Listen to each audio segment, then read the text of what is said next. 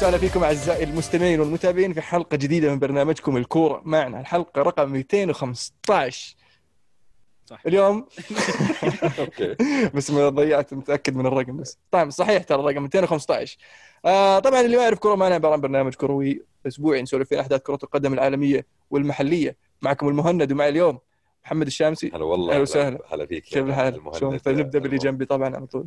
قريب جدا يعني. نعم. معنا عبد العزيز. يا رهيب ابو عزيز. هلا والله سهلا حياكم كيف الله. الحال؟ أتمنى يكون بس في تباعد اجتماعي بينكم شوي. صك يعني السماعة؟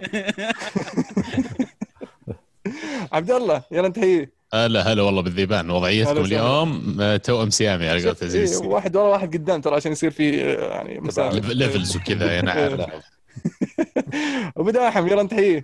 الله يحييك. يا هلا وسهلا. هلا والله وسهلا. هلا بالشباب. الشباب موضوعنا اليوم نبغى نبدأ أول شيء على طول بإيش؟ آه، خبر وفاة دييغو أرماندو مارادونا. طبعا الخبر اللي أخذ آه، يعني ال- ال- الإعلام الكروي بجميع مساحاته وامتداداته. الأسطورة دييغو أرماندو مارادونا آه، توفي بعام بعمر يعني 60 عام. وش نقول عشان وش نقول عشان نقول ونعطي مارادونا حقه؟ أنا ما أدري وين أبدأ يعني بس آه، ودي أحد يعني يمسك الراية ويعطينا نبذة بس أو فكرة عن آه، يعني. خبرته أو معرفته بمارادونا أو علاقته بمارادونا وعلاقه مارادونا بالكرة قدم بالنسبة له يعني لازم الناس يتخيلون اللي ما لحقوا على ذيك الفترة وأنا منهم أنا ما لحقت على مارادونا live أتفرج عليه لكن يعني طول طول فترة متابعة الكرة كل ما يجي اسم لاعب فنان ولا تجي بتقيس ال legends اللي موجودين حاليا من عمر الدنيا ودائما يقيسونهم بمارادونا. دائما مارادونا موجود في المحادثة فكانت دائما الكرة بيلي ولا مارادونا من يطلع لاعب جديد أو هل هو زي ما مارادونا كويس؟ يعني لا شك إنه صغير عمره 60 سنة مات. أه، لكن يعني بالنسبة لي على الأقل أحس لأنه كان أه، شخصية controversial ولا مثيرة للجدل بعد سواء في مشاركته كأس العالم والهدف المشهور اللي بيده ولا حتى بعض وجهات نظره في الأشياء اللي يتكلم عنها بتصريحاته كان بينه وبين آه، بيلي أنواع الحرب التصريح والإعلام. ويعني بالنسبة لي فقدنا واحد من أيقونات كرة القدم اللي موجودين يعني اللي بغض النظر عن انتمائك وبغض النظر أنت تشجع مين ولا وش كرة القدم اللي تقدرها وتفضلها يبقى مارادونا يعني كت ابوف ذا ريست واحد يعني مختلف عن البقية. فعلا أتفق معك. أنا بالنسبة لي مارادونا يعني ما لحقت عليه لحقت على وقتها آه، كان مارادونا مسيطر على العالم. شفت كيف الحين كيف ميسي ولا رونالدو كل ما تفتح التلفزيون تلقى ناس تتكلم ميسي ولا رونالدو وقتها ما كان فيه إلا مارادونا. وكان في نهايته وبدايه مشاكله. وسالفة المخدرات وسالفة ال... ال- الإيقاف اللي صار له ثم عودته لل... للعب في الأرجنتين فكلنا كان يتكلم عن مارادونا. وش صار في مارادونا؟ فكل ما تفتح قناة رياضية تتفرج على مارادونا. أنا تعرفت على مارادونا في هذيك الفترة فعلا حببني في كرة القدم وحببني في في منتخب الأرجنتين. آه، ف آه، مارادونا يعني له له بالنسبة لي يعني دور كبير في محبتي لكرة القدم بالإضافة إلى أساطير الهلال طبعا سامي الجابر يوسف الثنيان. آه، بس آه، فعلا آه، حتى لدرجة إن آه، ريفانيلي تذكر ريفانيلي؟ آه، مارادونا في أحد الفترات كان آه، حاط كذا صبغة ذهبية في في شعره مع مع بوكا جونيورز. ففي في في في ال game ال- شو اسمه نينتندو. تذكر نينتندو؟ Super Star Soccer اسمه. أيوه. فكان كان لما العب بايطاليا فيه ريفانيلي شعره أشقر. كنت أسميه مارادونا مو بأشقر شعره أبيض. إيه فسميه مارادونا على أساس ما لخبط ريفانيلي كان اسمه صعب طبعا. عجزت أقول اسمه خلاص هذا مارادونا. هذا روبرتو باجيو ومارادونا عندك في المنتخب ولا أحسن. آه بس فعلا اللي ما يعرف مارادونا مارادونا بدأ من يوم صغير بدأ طلع ظهر على الساحة بدأ ال debut حقه مع آه، شو اسمهم أرجنتينيوس. آه، ارجنتينوس جونيورز. عمره 16 سنة. أو أول مشاركة له مع المنتخب عمره 17 سنة. آه، طبعا في أوروبا ما كان يعرفونه. في السبعينات ما كان في تويتر ويوتيوب والأشياء هذه. الناس ما ما ما يوصلهم الخبر بسرعة. بس آه، بدوا يتعرفون عليه ال- ال- ال- الأوروبيين لما لعب مباراة ودية في في في ويمبلي بعد كأس العالم 78 78 طبعا ما لحق على المنتخب كان صغير. والمدرب فضل يختار. العناصر الخبرة.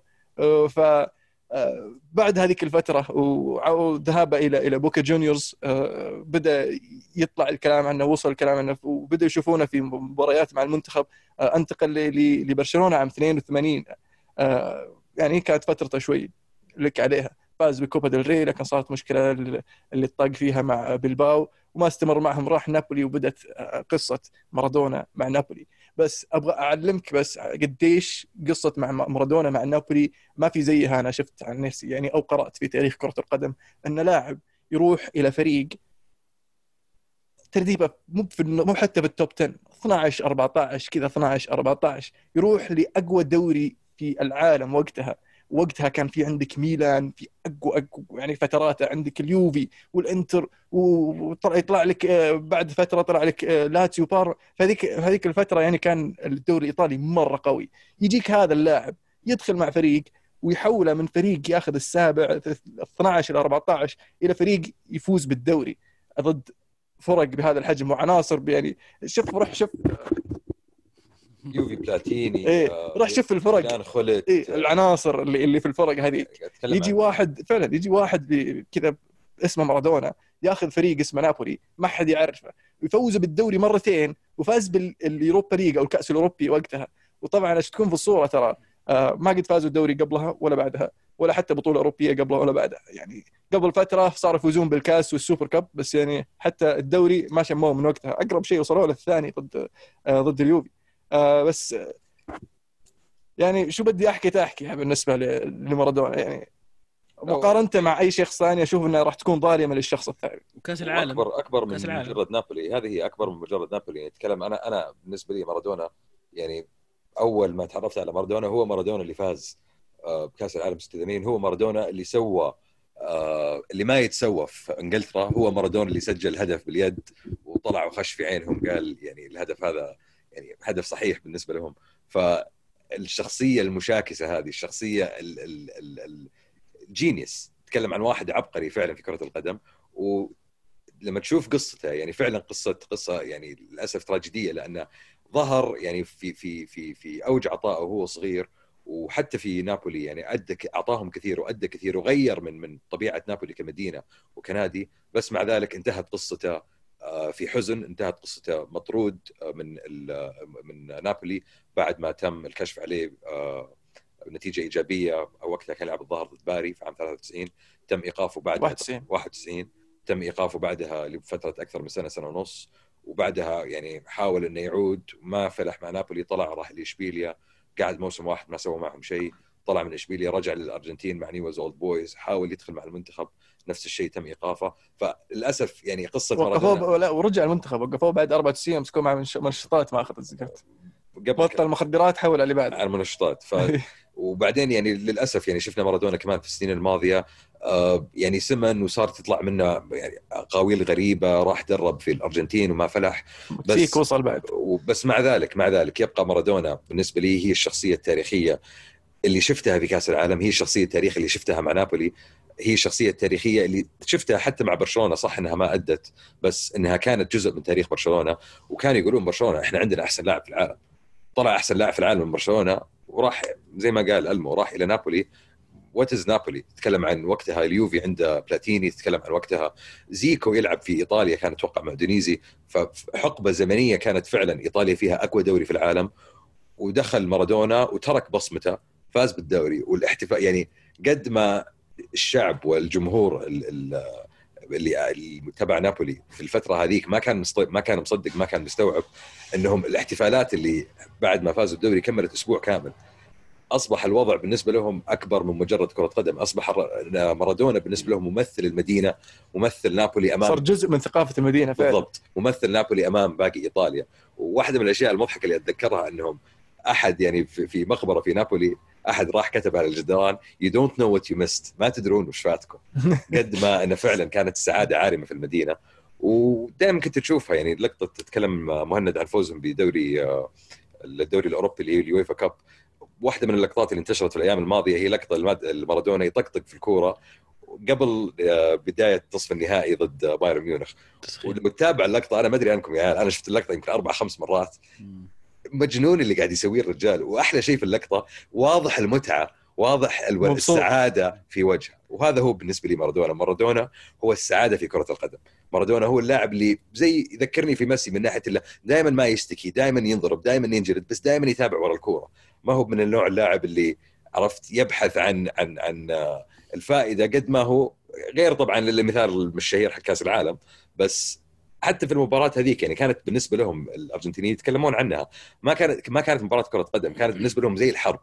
كانوا خسرانين من إنجلترا قبلها في حرب الفولكلاند قبلها ثلاث أربع سنين وكان الشعب الأرجنتيني محتقن جدا أمام إنجلترا. وتشوف لقطات المباراة الإنجليز جلدوه جلد جلدوه جلد. فهو شاف الموضوع إنه ايامكم أنتم كذا بتتعاملون معي أنا بتعامل معكم بطريقتي وسوى اللي سواه وصنع التاريخ. وكانت بالنسبة لهم للدوله الأرجنتينية انتصار يعني أشفى غليل السنين اللي خسروها من بعد الحرب. ومهما نحكي عن مارادونا يعني ما راح نخلص. أذكر ذكرت سالفة أحد أحد قبل الحلقة الحلقة الماضية واللي قبلها سأل عن ال... إن ليش الحين اللاعبين قاعدين يحققون أرقام أكثر من اللي قبلهم. وذكرنا إن الانضباطية والأشياء هذه. وكان أحد ال- الأمثلة يوهان كروف في السبعينات بس برضو مارادونا في الثمانينات والتسعينات. ترى يقول لك الشخص من كثر ما هو زاحف. آه، كان في الأسبوع سبع أيام. يقول أربع أيام أسهر فيها أنا وزوجتي وناخذ مخدرات وناخذ كذا. بعدين الثلاث أيام اللي بعدها قبل المباراة أضغط نفسي بالتدريب أطلع ال- ال- المخدرات من السيستم حقي عشان أقدر ألعب وأعطي الجمهور ال- ال- ال- المتعة اللي اللي يستحقها. فيعني رغم ال- الأشياء اللي قاعد يسويها شوف وش سوى. حتى هو يتساءل يقول لو أنا ما دخلت على المخدرات كان وش كان وش صرت؟ مش ممكن انت إيه وش ممكن أصير يعني؟ المتعة والحزن في نفس الوقت. الله يكافينا وياكم شرها يا شباب. أيوه. اي والله آمين آمين يا رب. فعلا أنا بالنسبة لي- حطيته وكفيته ووفيته يعني ما شاء الله. أتوقع عبد الرحمن بتعاني إنك تقول أي شيء الحين زيادة. لا أنا بتكلم بتكلم من ناحية ثانية بغض النظر أو الشيء اللي مر فيه. تعاطي الإعلام الإنجليزي خبر وفاته. هذا شيء صراحة يعني كان غريب.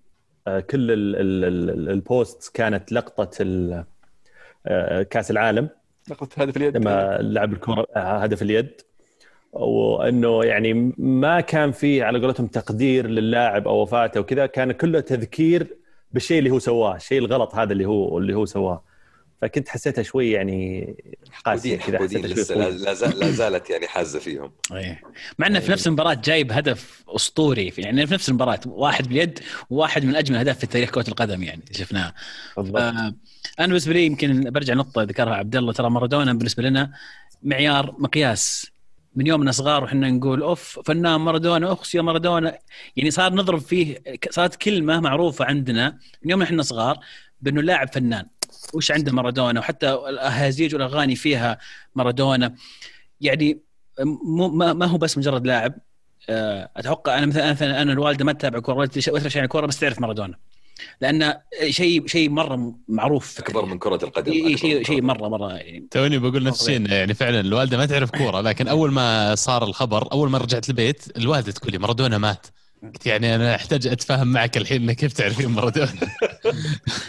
طبعا آه، نادي نابولي أعلن تغيير اسم الملعب من سان باولو إلى ملعب دييغو أرماندو مارادونا. خطوة جميلة الصراحة وكان عندهم موافقه كاملة من من عميد المدينة عمدة المدينة ويعني جمهور طبعا المدينة أهل المدينة كلهم. طبعا آه، يعني مدينة نابولي مرة متأثرين بمارادونا من أيام وجود مارادونا في في, في النادي وهو أسطورتهم هو من أكثر ال- إلى اليوم أكثر التيشيرتات مبيعا في نابولي هو مارادونا. ما هو هامسك؟ ما هو هيغوين ما هو انسيني ما هو أي لاعب مر على نابولي سواء قديم أو جديد. ما زال مارادونا هو الرقم واحد. في في في المدينة نفسها في كل مكان تمشي في المدينة تلاقي رسومات لمارادونا ذكريات لمارادونا مجسمات لمارادونا. فالمدينة كلها متأثرة زي ما قال ألمو بدييغو أرماندو مارادونا. فأثر كبير ومحبوب حب خرافي في في في إيطاليا وبالتحديد طبعا في في نابولي. وطبعا شوف وصلت يعني حتى الدولة الأرجنتينية نفسها اعلنت ثلاث أيام حداد رسمية على مارادونا. يعني حتى يقول لك رئيس الدولة نفسها إذا توفى ما تجي ثلاث أيام حداد ومارادونا تجي ثلاث أيام. ف... فيوريك قديش فعلا أثر الرجل هذا إنه أكبر من مجرد لاعب كرة قدم أصبح أيقونة أرجنتينية حول العالم وأيقونة لمتعة وجمال الكرة بكل بساطة. واللي ما شاف ال documentary حق دييغو أرماندو مارادونا يروح يتفرج عليه. اللي نزل السنة الماضية. نزل السنة الماضية أتوقع اسمه دييغو مارادونا. رائع رائع رائع. يتكلم عن ال documentary عبارة عن آه، لقطات له خلال فترته ومسيرته في نابولي. آه، لقوها فجأة في دولاب واحد ناسينها قبل 20 سنة. وفعلا يوريك يعني أول ما وصل كيف احتفلوا في المدينة واستقبلوه وكيف خلال فترته في المدينة العلاقات اللي دخل فيها والناس اللي تعرف عليها أصبحت حياته في المدينة يعني يحس هو نفسه محبوس. وهذه طبعا يعني واحدة أتوقع من الأسباب اللي أدت لتدهور مستواه ودخوله يعني في عالم يعني الخطايا للأسف. وين موجود ال- ال documentary؟ وين القاها؟ آه وين شفناه إحنا؟ كني شفته في نتفلكس نتفلكس ممكن. احتمال نتفلكس والله ما أدري بس أتذكر شايفين السنة الماضية. أو إنه Apple TV قبل كم من شهر. إيه قبل كم شهر. إيه. حلو. أم قبل ما نوصل لل Champions League أحب أبارك لأعزائي الهلاليين بطولة كأس الملك وتحقيق الثلاثية. التاريخية والأولى في تاريخ الكرة السعودية. وأتوقع الآسيوية ما قد صارت ما أدري عن شرق آسيا بس المهم آه، نادي ال- الهلال. مبروك. مبروك جمهور الهلال. مبروك مبروك. يا. عبد العزيز. مبروك يا مبروك. الهلاليين. مبروك الهلاليين جميعا. فعلا حدث استثنائي. جميل. آه نوصل لل Champions League. ال Champions League في الجولة الماضية كان في ناس تأهلوا أو أندية خلينا نقول تأهلت وفي أندية يعني قربت وأندية ما زالت تعاني. نبدأ بالأندية المتأهلة حتى الآن اللي هم بايرن ميونخ. مانشستر سيتي بورتو آه تشيلسي واشبيليا وبرشلونه ويوفنتوس حتى الآن هذول متأهلين. آه، ال- يعني الجوله الماضيه كان كان في مباراة مهمة بصراحة وحيده بالنسبة لي. ما أدري عنكم اللي هي مباراة آه، آه، إنتر ميلان وريال مدريد. المباراة اللي اللي فقد فيها فيدال أعصابه وخسر فريقه المباراة. أنا أقول إن نجوتم يا عبد الرحمن بما إنك مدريدي. من الجولة من إيش؟ من من لوكاكو زرع غضب لوكاكو لأن صار صاروا يلعبون بأقل من لاعب وطبعا يوم صار فيه آه، الطرد صار مدريد شكله حلو كأنه مسيطر كان كأنه مدريد اللي اللي تعودنا عليه في في في سنوات السيطرة لكن كلنا نعرف حال مدريد الحين؟ ف آه، عشان كذا أقول لك نجوت أنا قلت لك أنت يعني؟ أنا قلت لك الحلقة اللي راحت تذكر يوم أقول لك عن التناقض. مدريد ذا الموسم يخليك تتناقض. مباراة تتحمس بعدين يجي المنتخبات بعدين تقول أوه والله ودي مدريد يرجع أبي يرجع. إذا رجع تقول ليته ما رجع. هذا بالضبط وضع مدريد في ال Champions League بعض المباريات وضعه في الدوري. بالنسبة للمباراه ترى مدريد كان بداية المباراة كويس حتى قبل الطرد. آه، بدأ كويس رغم الغيابات ال- المؤثرة فعليا خصوصا آه، راموس. آه، كاسيميرو ما بدأ أساسي كان احتياط وعدم وجود بنزيما. ف الثلاثي ال- خلينا نقول العمود الفقري هذا الموسم واللي يعتمد عليهم زيدان آه، من الموسم الماضي مو موجودين فعليا. ضد فريق انتر هجومه الموسم هذا قوي. ما هو بوضعه الطبيعي ولكن كان قوي. لكن مدريد بدأ بشكل ممتاز. آه، مودريتش وكروس كانوا يعني يمكن أفضل مباراة شفتهم لهم هذا الموسم. هازارد برضو آه، للأسف إنه يعني على بعد هذه المباراة تفائلنا شوي آه، ارتفع شوي سقف الطموح. لكن أصيب في في في, في الدوري للأسف. آه، ثلاث نقاط كانت مهمة. آه، الفريق قدر يلعب أكثر من 70 80 دقيقة بشكل إيجابي جدا. آه، باقي على قولتهم تكة وتضمن التأهل. الإنتر طبعا ما زال عنده فرصة تأهل لازم يفوز المباراتين الجايات ومدريد يفوز على جلادباخ على الأقل. أتوقع إنه حتى ترى شاختار لسه عنده فرصة. يعني أتوقع كل الفرق إلى الآن فيه أمل لو بسيط. يعني شاختار عنده ترى اختار باقي عندهم نقطة صح؟ اي يفوزون يصير إيه. عندهم سبعة بس لازم مدريد يخسر مباراتين. لازم مدريد يخسر مباراتين يفوز شختار مباراتين. إيه، لازم يعني إنتر يخسر مباراتين بعد أو يخسر يخسر واحد على الأقل. مباراة الظاهر لأن واحدة منهم ضد شختار نفسهم. فالمجموعه يعني بس- تنبأنا لها إنها تكون هي أقوى مجموعة في ال Champions League وفعلا so far يعني إلى الآن هي تعتبر أقوى مجموعة آه، إذا الفريق اللي يعتبر في المركز الأخير still عنده عنده فرصة إنه إنه يتأهل. حلو. طيب آه، بجيك الليغا شوي لأن يعني يعني الغريب إن هالموسم مدريد يعني قاعد نسولف عنه كثير ومو بدائما بشيء ايجابيه يعني. يعني حتى يوم فازوا على على إنتر ميلان ما كان أداء حتى مقنع يعني وفازوا لأن لأن فيدال كان محتقن من ريال مدريد وأخذ كرت الأحمر. فعلا ترى ترى جالدين ريال مدريد مع بايرن ميونخ وبرشلونة ثم راح انتر وجلدوه بعد أي يعني فيعني- محتقن محت... لا لو شفت المباراة الرجال كان محتقن لا لا محتقن أبو. شامسي. تصريحاته من يوم ميونخ وبرشلونة يصرح تحكيم ما أدري إيه. بندف- بندفن مدريد ما أدري إيش يقول. يعني عرفت جدا. فضيع المباراة على إنتر ميلان وأنا أشوف إنه المفروض الإنتر يعاقبونه ماديا المفروض إن المدرب يعاقبه ما يلعب مباراتين ثلاثة قدام على الأقل على أساس إنه يعني يعلمه إيش سويت مو مو بشيء سهل إنك تروح تنكب فريقك في مباراة زي كذا ضد ضد ريال مدريد في ووضع الفريق محرج يعني. فيعني شخصنا الأمور هو ونسى الفريق. عموما في الدوري ريال مدريد قابل ألافيس وخسر منه هالمرة بس طريقة كيف خسر يعني كان كانت محزنة شوي لأن تتوقع على الأقل يعني الأخطاء ما تصير بهذا ال- ال- الشكل خاصة من كورتوا. للأسف آه، نفس السيناريو يتكرر هذا الموسم. يعني آه، هذا اللي يزعل. يعني آه، الأخطاء واضحة ولا فيه تصحيح ما في ما في تعديل. كثير تكلم بعد المباراة إنه اللي مر فيه الفريق هذا الموسم من إصابات آه، من من غيابات إصابات بالفيروس من الإصابات الخاصة بالمنتخب بعد بعد العودة. لكن أنت كفريق خصوصا بعد الأزمة الأخيرة المفروض تكون آه، جاهز سواء على مستوى اللاعبين الأساسيين ولا على مستوى اللاعبين الاحتياطيين.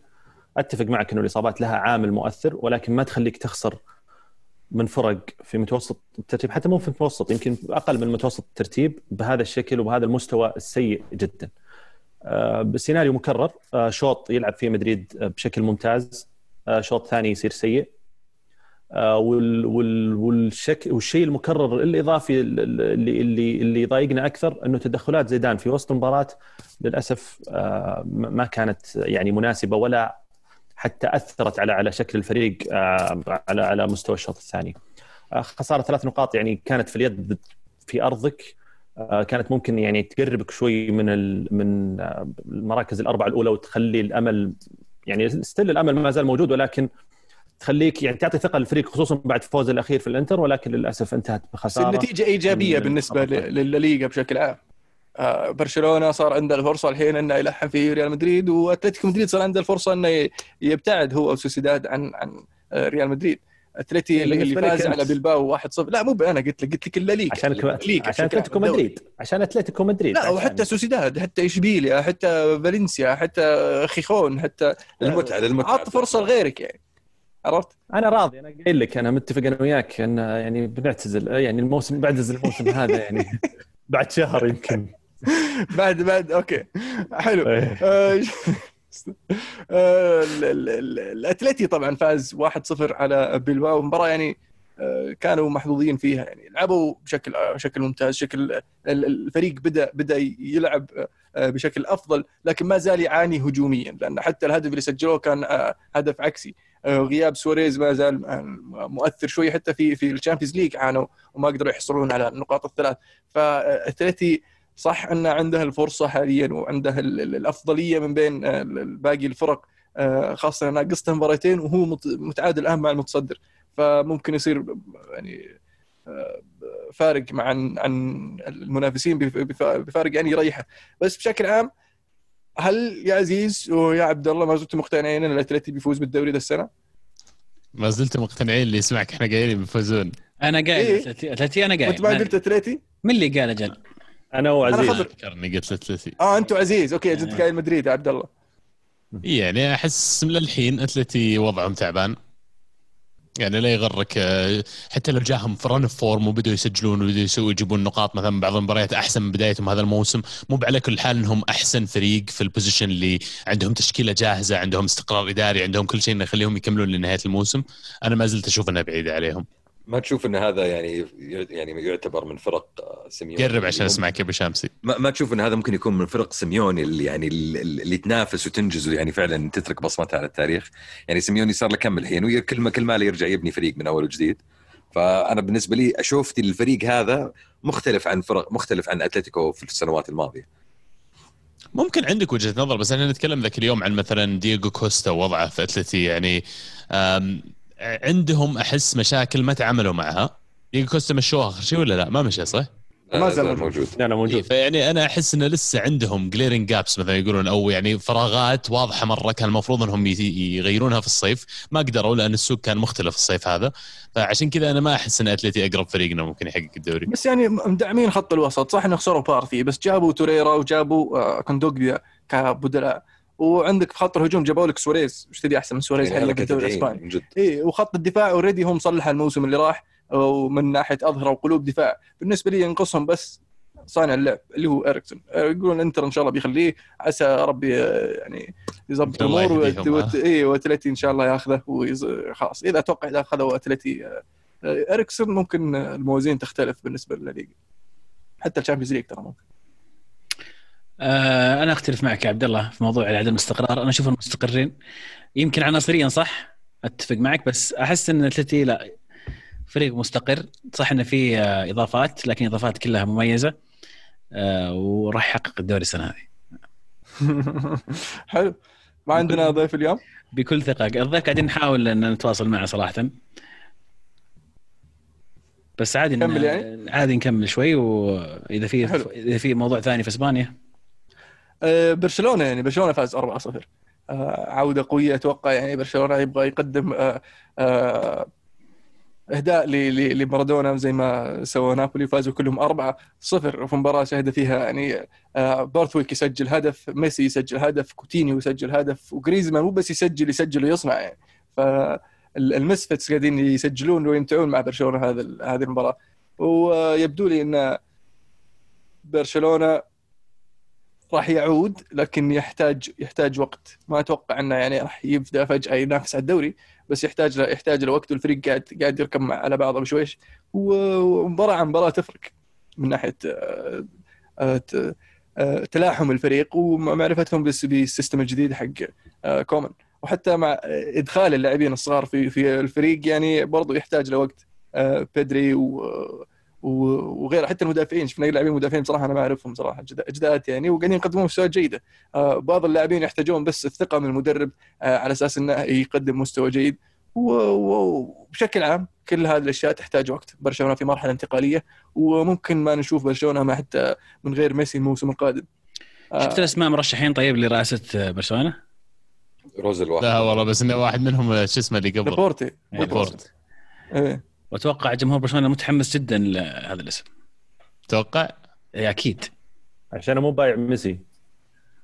هذا شيء أول. يعني السؤال هذا السؤال. هنا هنا في سؤال يطرح نفسه. هل المف... أنا بالنسبة لي المفروض برشلونة يعني المفروض يبدأ ينظر إلى إلى مستقبل من دون ميسي. المفروض انه يبدي يبدي فريق بدون ما يعتمد على ميسي. لأنه خلاص ميسي كم وصل عمره الحين؟ 33 34 سنة؟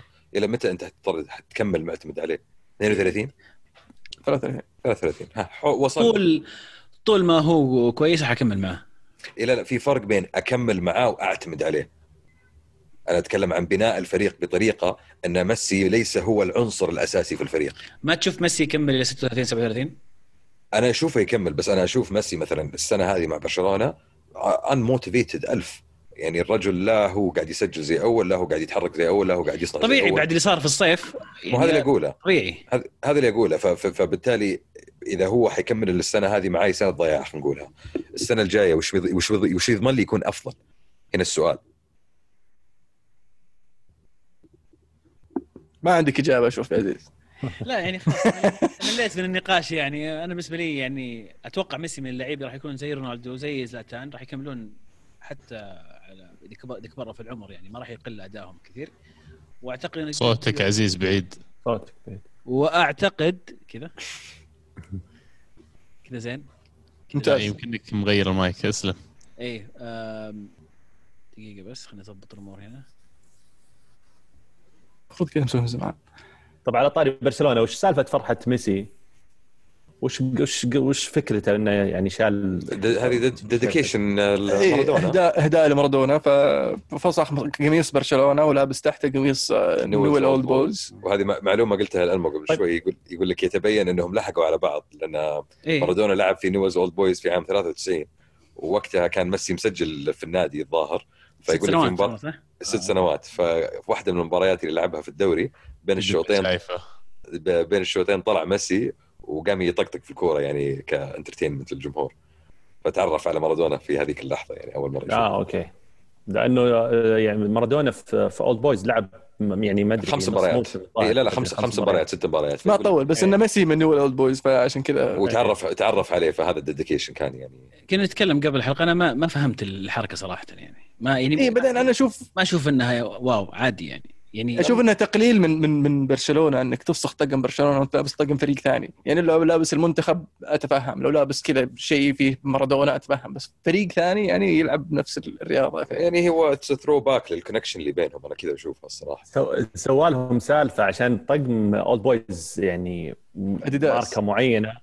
إي وطقم برشلونة نايك. ال ال ال نايكي ف فقالوا الآن في مشكلة ممكن تصير على برشلونة بسبب الشعار ما تبي تسوق الباب ذا صح؟ اي ما ما أدري. هو يقول آه، المهم يقول اديداس آه، نايكي مشي اللعب مشي اللعب. هذاك وما هذاك تعطينا رموز. مو على طول المخرج أصلا. حول الكاميرا حط لك حط لك اللقطة على شيء فوق في الجمهور نفس التيشيرت معلق شيء زي كذا. بس في الناس. كثير عجبتهم أنا ما أدري ليش ما يعني ممكن عشان زي ما قلت آه، محمد إهداء هو إهداء. موضوع يعني إنهم هذيك الفترة اللي كانوا في نفس الملعب يمكن.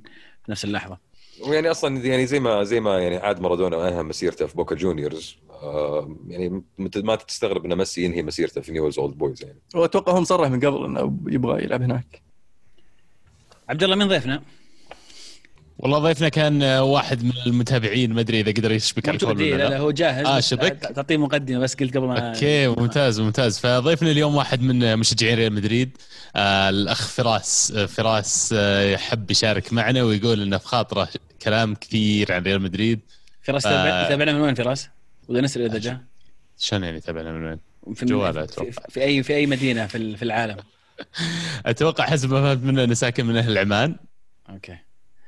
ونعم منكم كلكم ونتشرف والله بكل فرصة نقدر نقابل فيها واحد من المتابعين والمستمعين اللي في خاطره كلامه بيطلعه.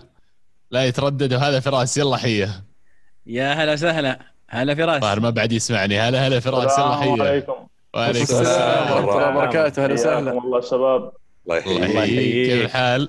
الحمد لله تمام. أخبار أول شيء إحنا سعيدين إنك موجود معنا اليوم. أنا سمعت إنك مشجع مدريدي متعصب. والله خليها خليها مستورة بس. بالله. أيوه. كم لك تشجع. مدريد وكم لك تتابع كرة معنا؟ والله الكورة معنا بديت يعني على أواخر السنة الماضية. يعني في عندنا group اسمه شباب العافية وكلهم كانوا يتابعوا البودكاست مالكم.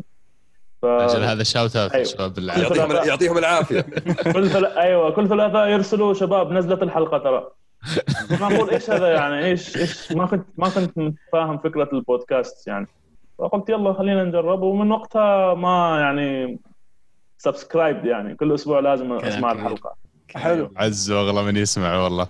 عاد يقولون الأسبوع هذا مدريد يعني حظوظهم بعد ال Champions League جابوا العيد في الدوري وانت شكلك قرفان ما كفاك الفوز في ال Champions. أنا أنا أريدهم يطلعوا بموسم صفري عشان خلاص يعني ال... تصير إعادة هيكلة في النادي كله يعني من الألف إلى الياء. ليه؟ وش هيكلة الهيكلة؟ تعتمد على زيدان موجود ولا مو موجود؟ هل هل زيدان من ضمن الهيكلة اللي بتصير يعني؟ حاليا على الفكر اللي زيدان موجود عنده الحين أتمنى خروج زيدان صراحة يعني أنا أنا أصلا بديت أشجع الريال لأن الوالد الله يحفظه هو بدأ يتابع في الريال بسبب انتقال زيدان للريال مدريد الزمانات إيه. أنا بعدها صرت يعني كبرت وأنا أتابع أبوي يتابع ريال فخلاص صرنا نتا- نتابع ريال ونشجع ريال من شابه أباه فما ظلم بالضبط 100% ف الفطرة الفطرة السليمة يا فراس. آه جاك مداح مستانس المدريدي. الفطرة السليمة. فعاصرنا الريال يعني في فترة الستة اثنين وفي الخمسة صفر والأربعة صفر في الكلاسيكو وعاصرناهم في الأربعة صفر مع ليفربول. يوم ما ليون ليون اللي هم ليون ما كنا نتأهل ضدهم في أبطال. ودورتموند تاريخ لما تاريخ أسود. تاريخ أسود بس يعني كل هذه الفترات للريال يعني ما وصل للسوء اللي واصله هذا الموسم يعني. وهذا الموسم والموسم الماضي. يعني موسم فاضي فاز بالدوري. فاز بالدوري بس إيش يعني؟ إيش في النهاية؟ فاز على الدوري ضد أسوأ نسخة من برشلونة ضد أسوأ نسخة من أتلتيكو. وأنا أعتبر صراحة الريال موسمه بدأ بعد التوقف من الكورونا. قبل التوقف من الكورونا ما كان في أي معطيات أي مؤشرات إن الريال يستاهل يفوز في الدوري بعد الكورونا برشلونة اللي تعثر. بعد آه، فالفيردي. بعد إقالة فالفيردي. فبعد التوقف أنا. أنا اعطي أعطيها لزيدان صراحة. لعب مباريات كأنها كل مباراة لعبها كنهائي بس حتى يعني ما كان مستوى اللي هو تقول مستوى أبطال يعني. كان الريال يفوز بفارق هدف أو بمساعدة من الفار طبعا تكون مساعدة صحيحة يعني ضربة جزاء من هنا من هناك وتخلص المباراة بفارق جول يعني. المشجع طول المباراة على أعصابه وتخلص بفارق جول أو 1-0 أو 2-1 ضربة جزاء أو شيء كذا. فلما فزنا في الدوري أنا ما يعني كنت عارف إنه ما ما متبشر خير للموسم الجاي يعني. خاصة إنه خسرنا من السيتي في الأبطال السيتي اللي اخرج ليون بسهولة خرجنا منهم. وخرجنا من الكأس ضد سوسيداد يعني بطريقة محرجة يعني. صار نهائي الكأس آه، ما حد تابع نهائي الكأس هذه السنة يعني. ف كل هذه المعطيات يعني ما ما خلتنا نستبشر في موسم جديد وفي النهاية هذا ال... هذا الواقع هذا اللي ص... هذا اللي جالسين طيب، نعيشه الحين وش وش يحتاج ريال مدريد عشان يعود ريال مدريد اللي عدته؟ والله وش يحتاج من عناصر؟ يحتاج أشياء كثيرة يعني أولها مثلاً؟ زيدان يتخلى عن هذه هذه القائمة من اللاعبين اللي هم مارسيلو إسكو أسينسيو وحتى كروس يعني كروس اللي أنا كنت يعني أعتبره من اللعيبة المهمين في كتيبة الريال صار هذا الموسم حتى الموسم الماضي تمرير اللي كان مميز بتمريراته الصحيحه صار عادي يلعب تمريرة غلط أكثر من مباراة. عادي تنقطع منه الكرة بسبب بطئه في التنفيذ وارتداده للدفاع وللقيام بالواجبات الدفاعية جدا بطيء حتى أنا عندي لك لاعب يا لا، لا، لا تسمع يناسبكم جدا. بوجبا؟ لاعب راح إي أكيد. اسمع كلامه. أنت عارف إيش بديل بديل لكروس يعني ويساعد في ال- الأداء الهجومي وفي نقل الكرة هجوميا ويحافظ على الكرة في خط الوسط يعني. هو خاصة لما يصير مع كاسيميرو وفالفيردي يعطونا ال- ال- الحرية إنه يتحرك. في مانشستر ما عنده الوسط هذا عرفت؟ بالضبط. يناسبكم جدا. وأنا صادق والله لا ف okay فوق بخط الوسط اتفقنا خط الهجوم وش يحتاج؟ ما, نتفق إنه ما اتفقنا لسه. يعني. غصبت أنت الرجال ما يبغى فوق آه فراس معلش كنك قلت اسنسيو بعد قبل شوي هل من اللاعبين اللي فعلا تحس لازم يطلعون من الريال؟ اسنسيو أيوه صراحة يعني صار انحدار في مستواه بشكل رهيب يعني صح إنه جاء رباط صليبي وهذا الرباط الصليبي يعني يا تخيب يا تصيب بعد ما ترجع بس مع, مع يعني هذا الموسم ما في أي بوادر منه إنه ممكن يقدم أي إضافة حتى كاحتياطي يعني. ما أشوف إنه مناسب أي ابدا للريال. وإسكو طبعا ما عليه نقاش ابدا يعني. هذا خلاص لاعب منتهي يعني. وحتى هو يعني حتى تشوفه لما يدخل الملعب ما تحسه لاعب يريد يقدم شيء يعني. فعلا. يلعب غير نفسه أيوة. أحيانا. يلعب طيب إيش غير- يحتاج؟ خط الهجوم بدل أسينسيو؟ غريبه ما قلت بنزيما تكفى فراس. لا بنزيما. أنا أنا من نفس أنا من يوم أنا احسد كل الأفرقة على الهجوم مالهم على المهاجمين اللي عندهم. وكنت ما أطيق بنزيما ابدا بس صار بنزيما أفضل لاعب عندي في الريال يعني. أنا لهالدرجه صار معي أفضل لاعب عندي في الريال لأنه الوحيد حاليا في الريال اللي يقدم إضافة. ما في حد ثاني غيره يقدم إضافة يعني. بيزعل غيابه هو بيزعل. يشيل الفريق على ظهره ولا أيوة، بيزعل. يشيل الفريق على ظهره؟ راموس طيب. لا أنا أتكلم عن الهجوم في الهجوم. اي okay. في الهجوم ما في حد غير بنزيما في الهجوم ما في حد غير بنزيما يقدم إضافة هجومية حقيقية يعني. لا رودريجو هذا ولا فينيسيوس هذا فينيسيوس اللي يمشي عكس الناس يعني كل سنة كل موسم تختفي يختفي شيء من عنده. أول موسم كان مهاري وسريع الموسم اللي بعده صار سريع الحين ولا شيء يعني. لا. حلو الوصف صح ماشي ماشي عكس التيار يعني فينيسيوس ما في يعني ما خلاص ما في أمل منه أنا أشوف يعني رودريجو طيب مين تجيب خط الهجوم طيب؟ عشان تد- تدعم خط الهجوم يعني عشان تساند. بنزيما وهازارد يعني ما ما في حاليا في السوق غير هالاند ومبابي يعني واثنين مالك إلا واحد اثنين صعبة هو هي كذا ترى يعني ما أعرف على إيش يفكر زيدان الحين إيش الفكرة اللي في راسه لا مالك من زيدان أنت زيدان أنت وش تحتاج؟ الفريق وش يحتاج؟ أنت قلت لي يحتاج بوجبا أنا أشوف اللي يحتاجه لاعب ما قال بوجبا ابدا ما قال ما. قال بوجبا. خلينا نقنع هو بيطلع من عندنا اليوم وبوجبا شري إن شاء الله. آه، طيب خط الهجوم. خل خل انسى بوجبا. يعني خي... هل هو خيارك هالاند ولا مبابي؟ أنا أفضل صراحة في الوقت الحالي أنا أشوف هالاند يعني يقدم مستويات جدا رائعة يعني في ال- على المستوى الأوروبي وعلى المستوى الدوري يعني. يعني. بتجيب هالاند وهازارد بس لسه عندك رودريجو وفينيسيوس. أيوه هي كذا يعني. هي ما بس مشكلة مه... تجيب مهاجم وفتاك وخلاص لا المشكلة إيه، أكثر من كذا. أنا من كذا قلت مبابي طيب يساند يساعد طريقة اللعب لأن ما عندك أحد يلعب على اليمين بس عندك مهاجم. فتقدر. تمشي موسم مع بنزيما ولا؟ ترى هي كذا يعني. أنا هذا اللي قلته في البداية انه الريال يحتاج اعاده هيكلة ما بس لاعب ولا اثنين لا آه لازم صح أنت يقوم بتغير بتغيير ال system كله. تغيير جذري. أيوه يعني اللعيبة اللي ممكن يقعدوا الحين في الريال اللي هم مندي فالفيردي مودريتش اللي هو 35 سنة يقدم أفضل مستويات في الريال حاليا يعني. طب مودريتش ما ف- تمشيه؟ مودريتش على المستوى اللي قدمه الحين يعني أفضل, أفضل لاعب في الريال يعني في الوسط حاليا بعد فالفيردي اللي انصاب يعني ما في حد لاعب يقدم مستويات بس أفضل افضل من ما يقدر يلعب 90 دقيقة طول الوقت ما إيه، صعبة بالضبط. تعتمد عليه. بالضبط. فال- اللي- اللي- لا هو الحل اللي بيخليهم اللي ما إيه ف- يمشيهم فالحل الحل من وجهة نظري إنك تمشي مودريتش ويصير يصير كروس هو اللاعب اللي اللي ما يلعب دايم بس يساند خط الوسط. ويلعب آه، في الوسط طبعا آه، كاسيميرو وفالفيردي وزي ما اتفقنا بوجبا. كروس ما يلعب دائما ها؟ اي كروس يصير في الدكة إيه. بدال ياخذ مكان مودريتش. جميل. مودريتش ت- توديه الدوري الإيطالي. عنها الحين حتى كازيميرو لو ما ما اعرف لو لاحظت هذا الشيء يعني هذا الموسم يعني صار انحدار كبير في مستواه يعني ما هو مستواه ما هو آه، الارتكاز اللي ماسك اللي خلاص يعني مسكر على الدفاع قدام الدفاع. صار في مستواه بسبب استنزاف الريال لكازيميرو. ما في ما في بديل لكازيميرو يعني. طول هالسنين ما في أي بديل. كان بس في لورنتي ولورنتي باعوا الاتلتيكو اللي قاعد يقدم مستويات ممتازة مع أتلتيكو. سيميوني لعبه كراس حربه ثاني لعبه كجناح يسار يلعبه كارتكاز قاعد يلعبها قدام فعلا ما كل محور. مكان لاعب يحتاج الريال حاليا. وباعوا له الغريم أتلتيكو. حاليا أتلتيكو صوت صوت المايك ضرب عندك فراس ما أدري إذا بس عندي أنا اسمعك كذا ولا لا. لا حتى عندي اللابتوب عندي أنا.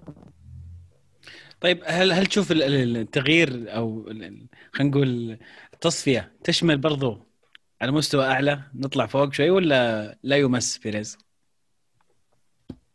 هو بيريز سؤال محرج آه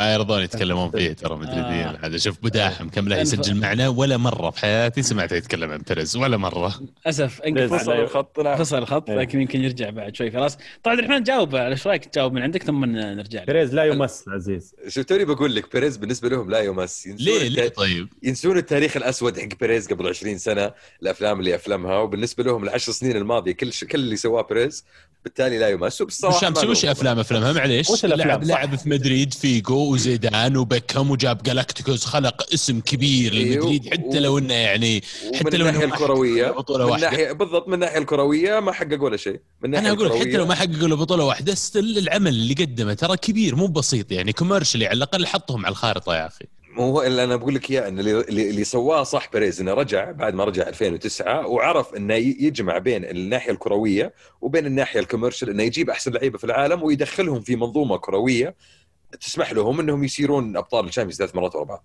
نعم نعم صحيح. بس ترى آه، بيريز يعني إذا بتتكلم عليه على فترات بقول لك بنتقد فترة معينة اللي جاب فيها العيد آه، وبمدح لك والله الفترة اللي قبل وبعدين بمدح الفترة اللي بعد. يعني على على الفترة مستوى جاء فيها العيد طيب؟ في الفترة حقت بابلو غارسيا محور دييغو ظهير بافون center ال- الأفلام هذه كانت هذه هذه هذه هذه نهاية مسيرة الجلاكتيكوز تقريبا. نهاية مسيرة. جرافيسون يا حبيبي جرافيسون أسطورة من. أساطير المحور يعني. اي هذا اللي أتكلم عنه. أسطورة من أساطير الليغا اي هذا هذا هذا الفيلم اللي أفلمه. على فكرة والله وحش. هو طلعت طلعت الأولى كانت بناء على يعني ضغط جمهور وبناء على مشاكل وبناء على جاب العيد لأن لا لا لا فشل وجاك- فشل مشروعه فشل مشروع زيداني بافون اللي كان يطلع يتكلم فيه اللي هو إحنا بنجيب أحسن لعيبة في العالم وبنصنع لعيبة من عندنا. المشروع هذا فشل. بيني وبيني وبينك أحس لو أي أحد فينا كان رئيس وجاب هذا النوع من اللاعبين ما يعني okay حتى لو الهدف الأول حقي استثماري ولا إني أجيب فلوس ولا أسوي مداخيل ولا أرفع العلامه اسم العلامة التجارية حقت النادي بس على الأقل عندي زيدان وفيجو ورونالدو على الأقل بطلع ببطولة بطولتين آخذ لي تشامبيونز ليج من الحق ف- قال عبد الرحمن في أندية عرفت ترضى وترضخ إنها تكون مجرد قريبة من البطولات بدون ما توصل للبطولات. ريال مدريد ليست أحد هذه الأندية. صحيح. فالفترة هذيك حقت ريال مدريد انه مستمر على شكل آه ثلاث أربع سنين بدون ما يقرب من الدوري بعيد بكل البعد عن الشامبيونز حتى الكوبا دري مو بحولها ما كانت فترة يعني يذكرونها جمهور مدريد بشكل آه كويس وما غير الشيء هذا إلا لما جاك كابيلو وصار إعادة. هيكلة الفريق. صحيح. حلو. آه طيب الدوري الإنجليزي الدوري الإنجليزي كانت جولة حافلة بصراحة جميلة هذه الجولة. آه صار فيها تغيرات وتقلبات يعني نوعا ما. في في جدول الترتيب. أهم مباراة كانت آه، ديربي لندن بين تشيلسي وتوتنهام وصار المتوقع مباراة يعني بين مورينيو وتشيلسي. انتهى المباراة 0 0 آه الحلو في هذه المباراة نتيجة مرضية لل- لل- لل- للبريمير ليج. تعادل توتنهام ما راح بعيد تعادل تشيلسي ما راح بعيد وزادها تعادل آه، ليفربول اللي ما راح بعيد. وباقي بس عاد ليستر. ليستر لو يفوز يتعادل مع عدد النقاط مع توتنهام. وليفربول ب 21 نقطة فيصير آه، تلاحم آه، كبير وصير تشيلسي في- في في- في 19 آه، السيتي مع يعني فاز واليونايتد فاز. ففيه فيه مواري إن فيه منافسة يعني بين أكثر من فريق هذا الموسم. أنا بالنسبة لي شفت المباراة يعني كونها بصراحة مباراة بين أفضل فريقين حاليا في البريمير ليج من ناحية ال form.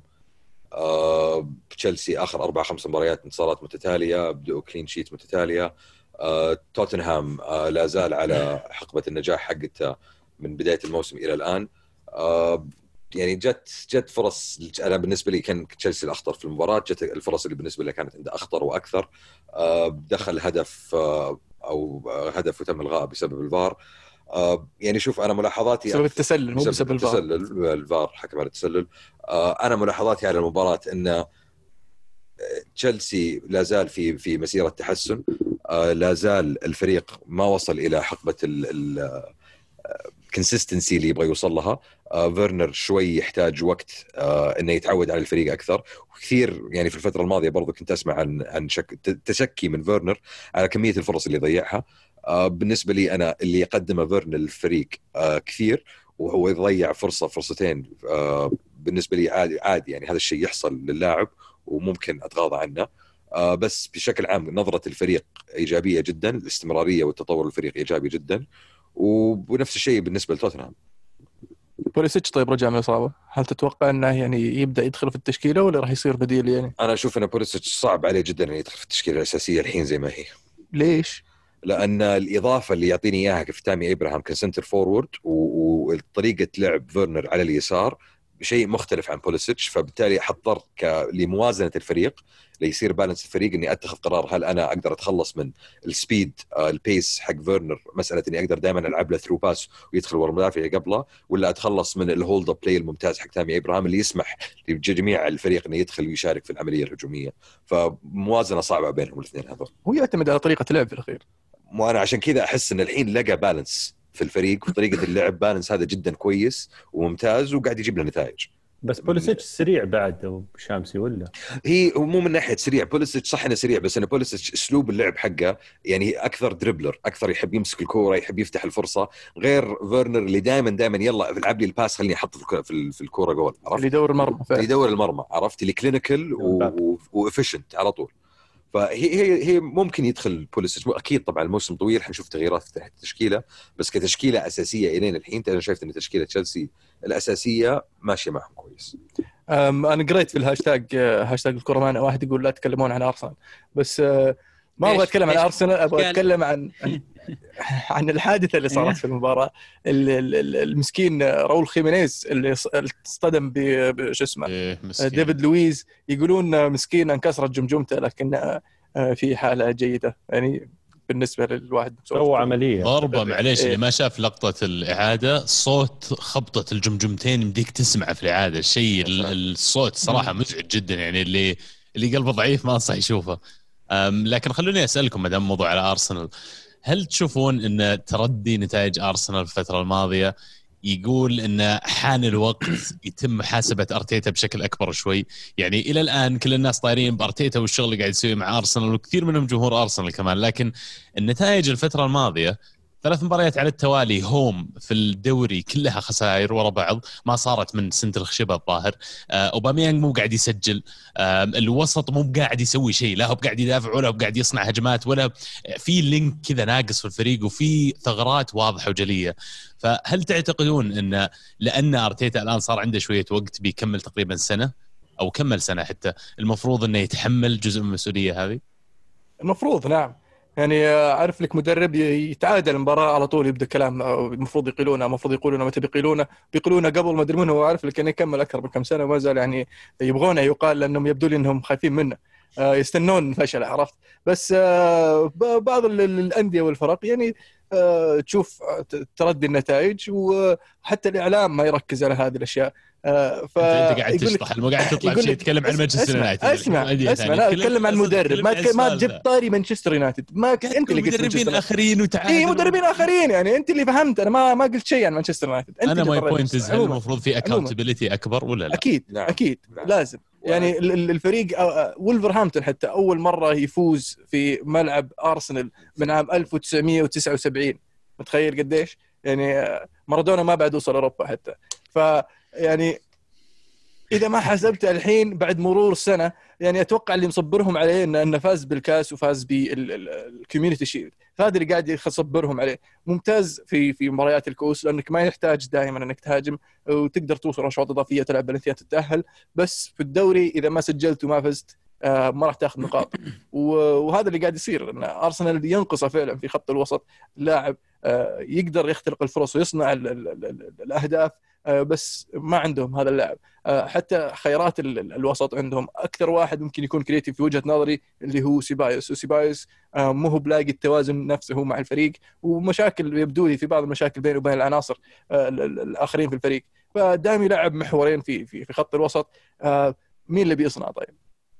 في في ملاحظة ثانية هنا أنا شايفها إنه ممكن الكلام على أرسنال ما تسمعها الفترة الأخيرة عبد الله لأن سقف التوقعات اللي أنت متوقع من أرسنال هبط. يعني أنت الحين الصراحة ما عاد أتوقع أن أرسنال ينافس على ال top four زي ما أتوقع من أول لأن المنافسين على ال top four حاليا أقوى وأكثر. وغير كذا في تركيز أتوقع من الاعلام كبير على الفرق اللي في الجزء الأعلى من الجدول. فبالتالي ارسنال ضايع في الطاسه إلى حد ما وما في تركيز إعلامي عليه بس في فبالتالي أشياء- ما في ضغط على على في أشياء basic. مثلا. اوباميانج ما يسجل هذا basic يعني. أنا أتوقع بغض. النظر عن أداء الفريق اوباميانج المفروض قاعد يسجل. فأنا لما ال system عندي وأنا هذا من متابعتي الفريق على الأقل أشوف إن اوباميانج مو بقاعد تجيه الخدمة الكافية. مباريات يعني تصير تلقى ال attack جوا منطقة جزاء حق الفريق اللي ضدك لاعب ولا لاعبين قاعدين جوا منطقة. في المقابل لما وولفز يهجم عليك تلاقي ستة أو سبعة كذا ماشيين ثلاثة مليون على مرماك. فأنا أشوف انه في مشكلة تحديدا في الوسط والدليل عليها إن بارتي اللي توه جاي ما كمل ولا شيء يعني مع الفريق. أول ما غاب هالمباراتين على طول بين الفرق وال- والفجوة الواضحة في وسط الأرسنال. فيعني وجود لاعبين أنت قاعد تجمعهم لك أربع خمس سنوات وبعدين يجي واحد زي كذا في يوم وليلة يصير أساسي وهو اللي يمسك ولما يغيب ما تقدر تفوز. يعني أنا بالنسبة لي هذا red flag بس.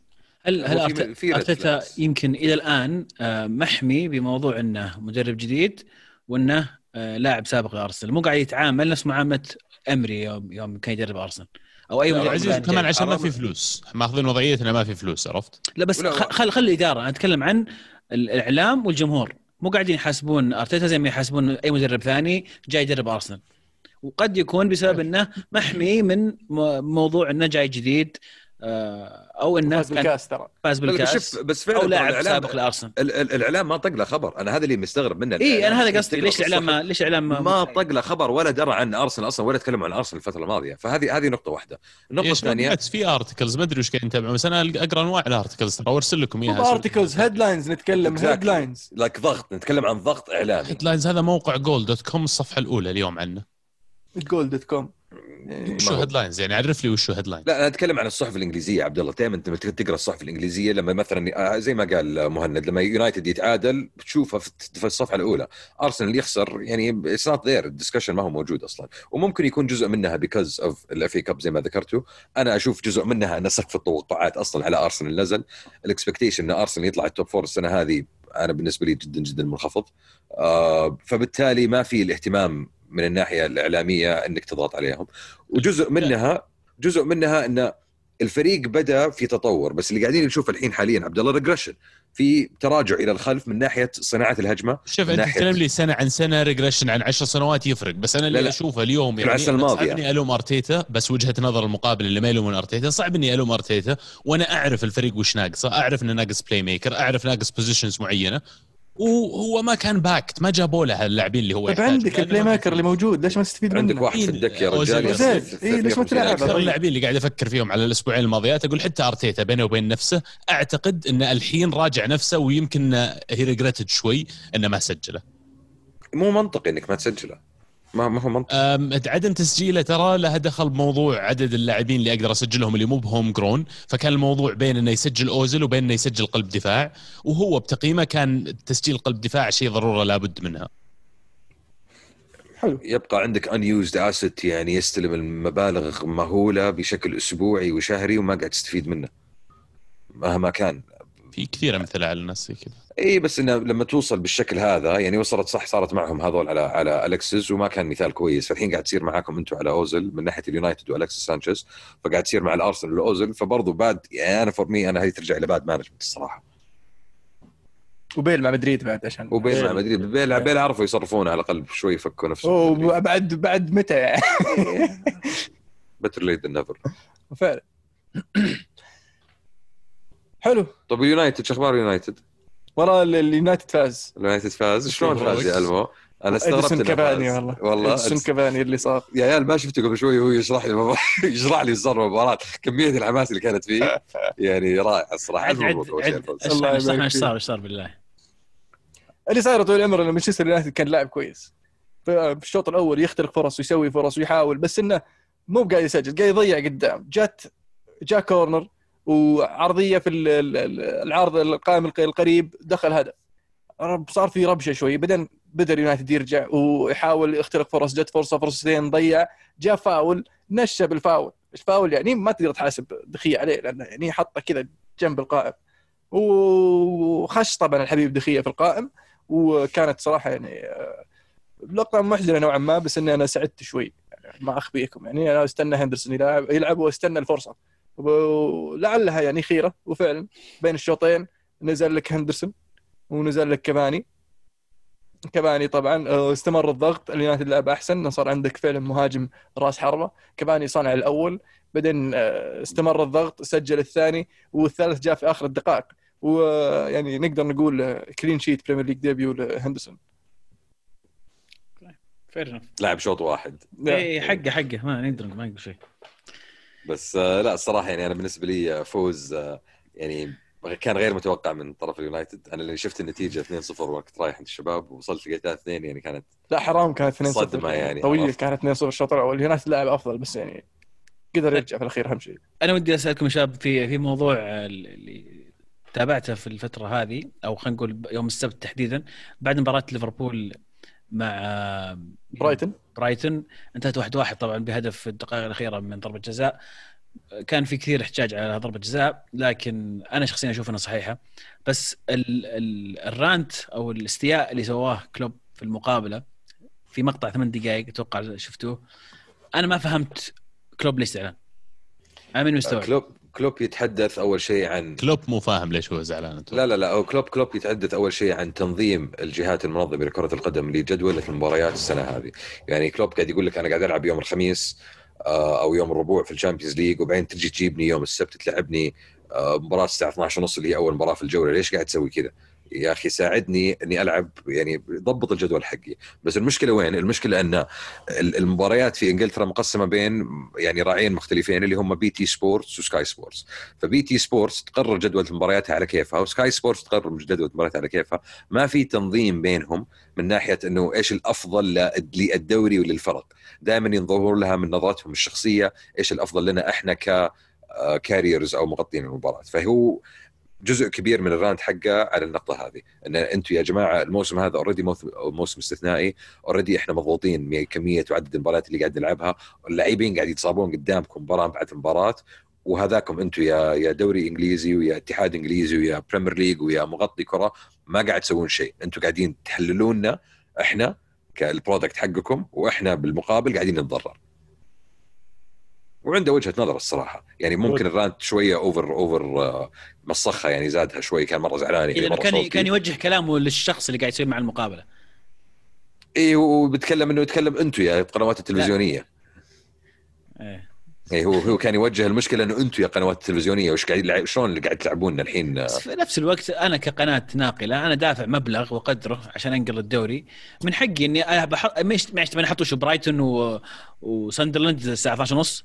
في الـ slot حقي لا أبغى أنا أبغى أبغى ليفربول أبغى سيتي أبغى فرق كبيرة صح صح بس هنا يعود الموضوع بنهاية اليوم إلى من المسؤول الأول للدرجه الأولى في الموضوع هذا؟ هل هو الناقل؟ هل هو الدوري؟ هل هو اتحاد كرة القدم؟ لأن في نهاية اليوم لازم يصير في نقاشات بين كل الأطراف هذه لأنه كل الأطراف هذه stakeholders في نهاية اليوم. انت في نهاية اليوم مصلحتك انك تبرز افضل منتج ممكن تعطيه ومصلحة اللعيبة والفرق اللي كلهم يكونون في افضل حال.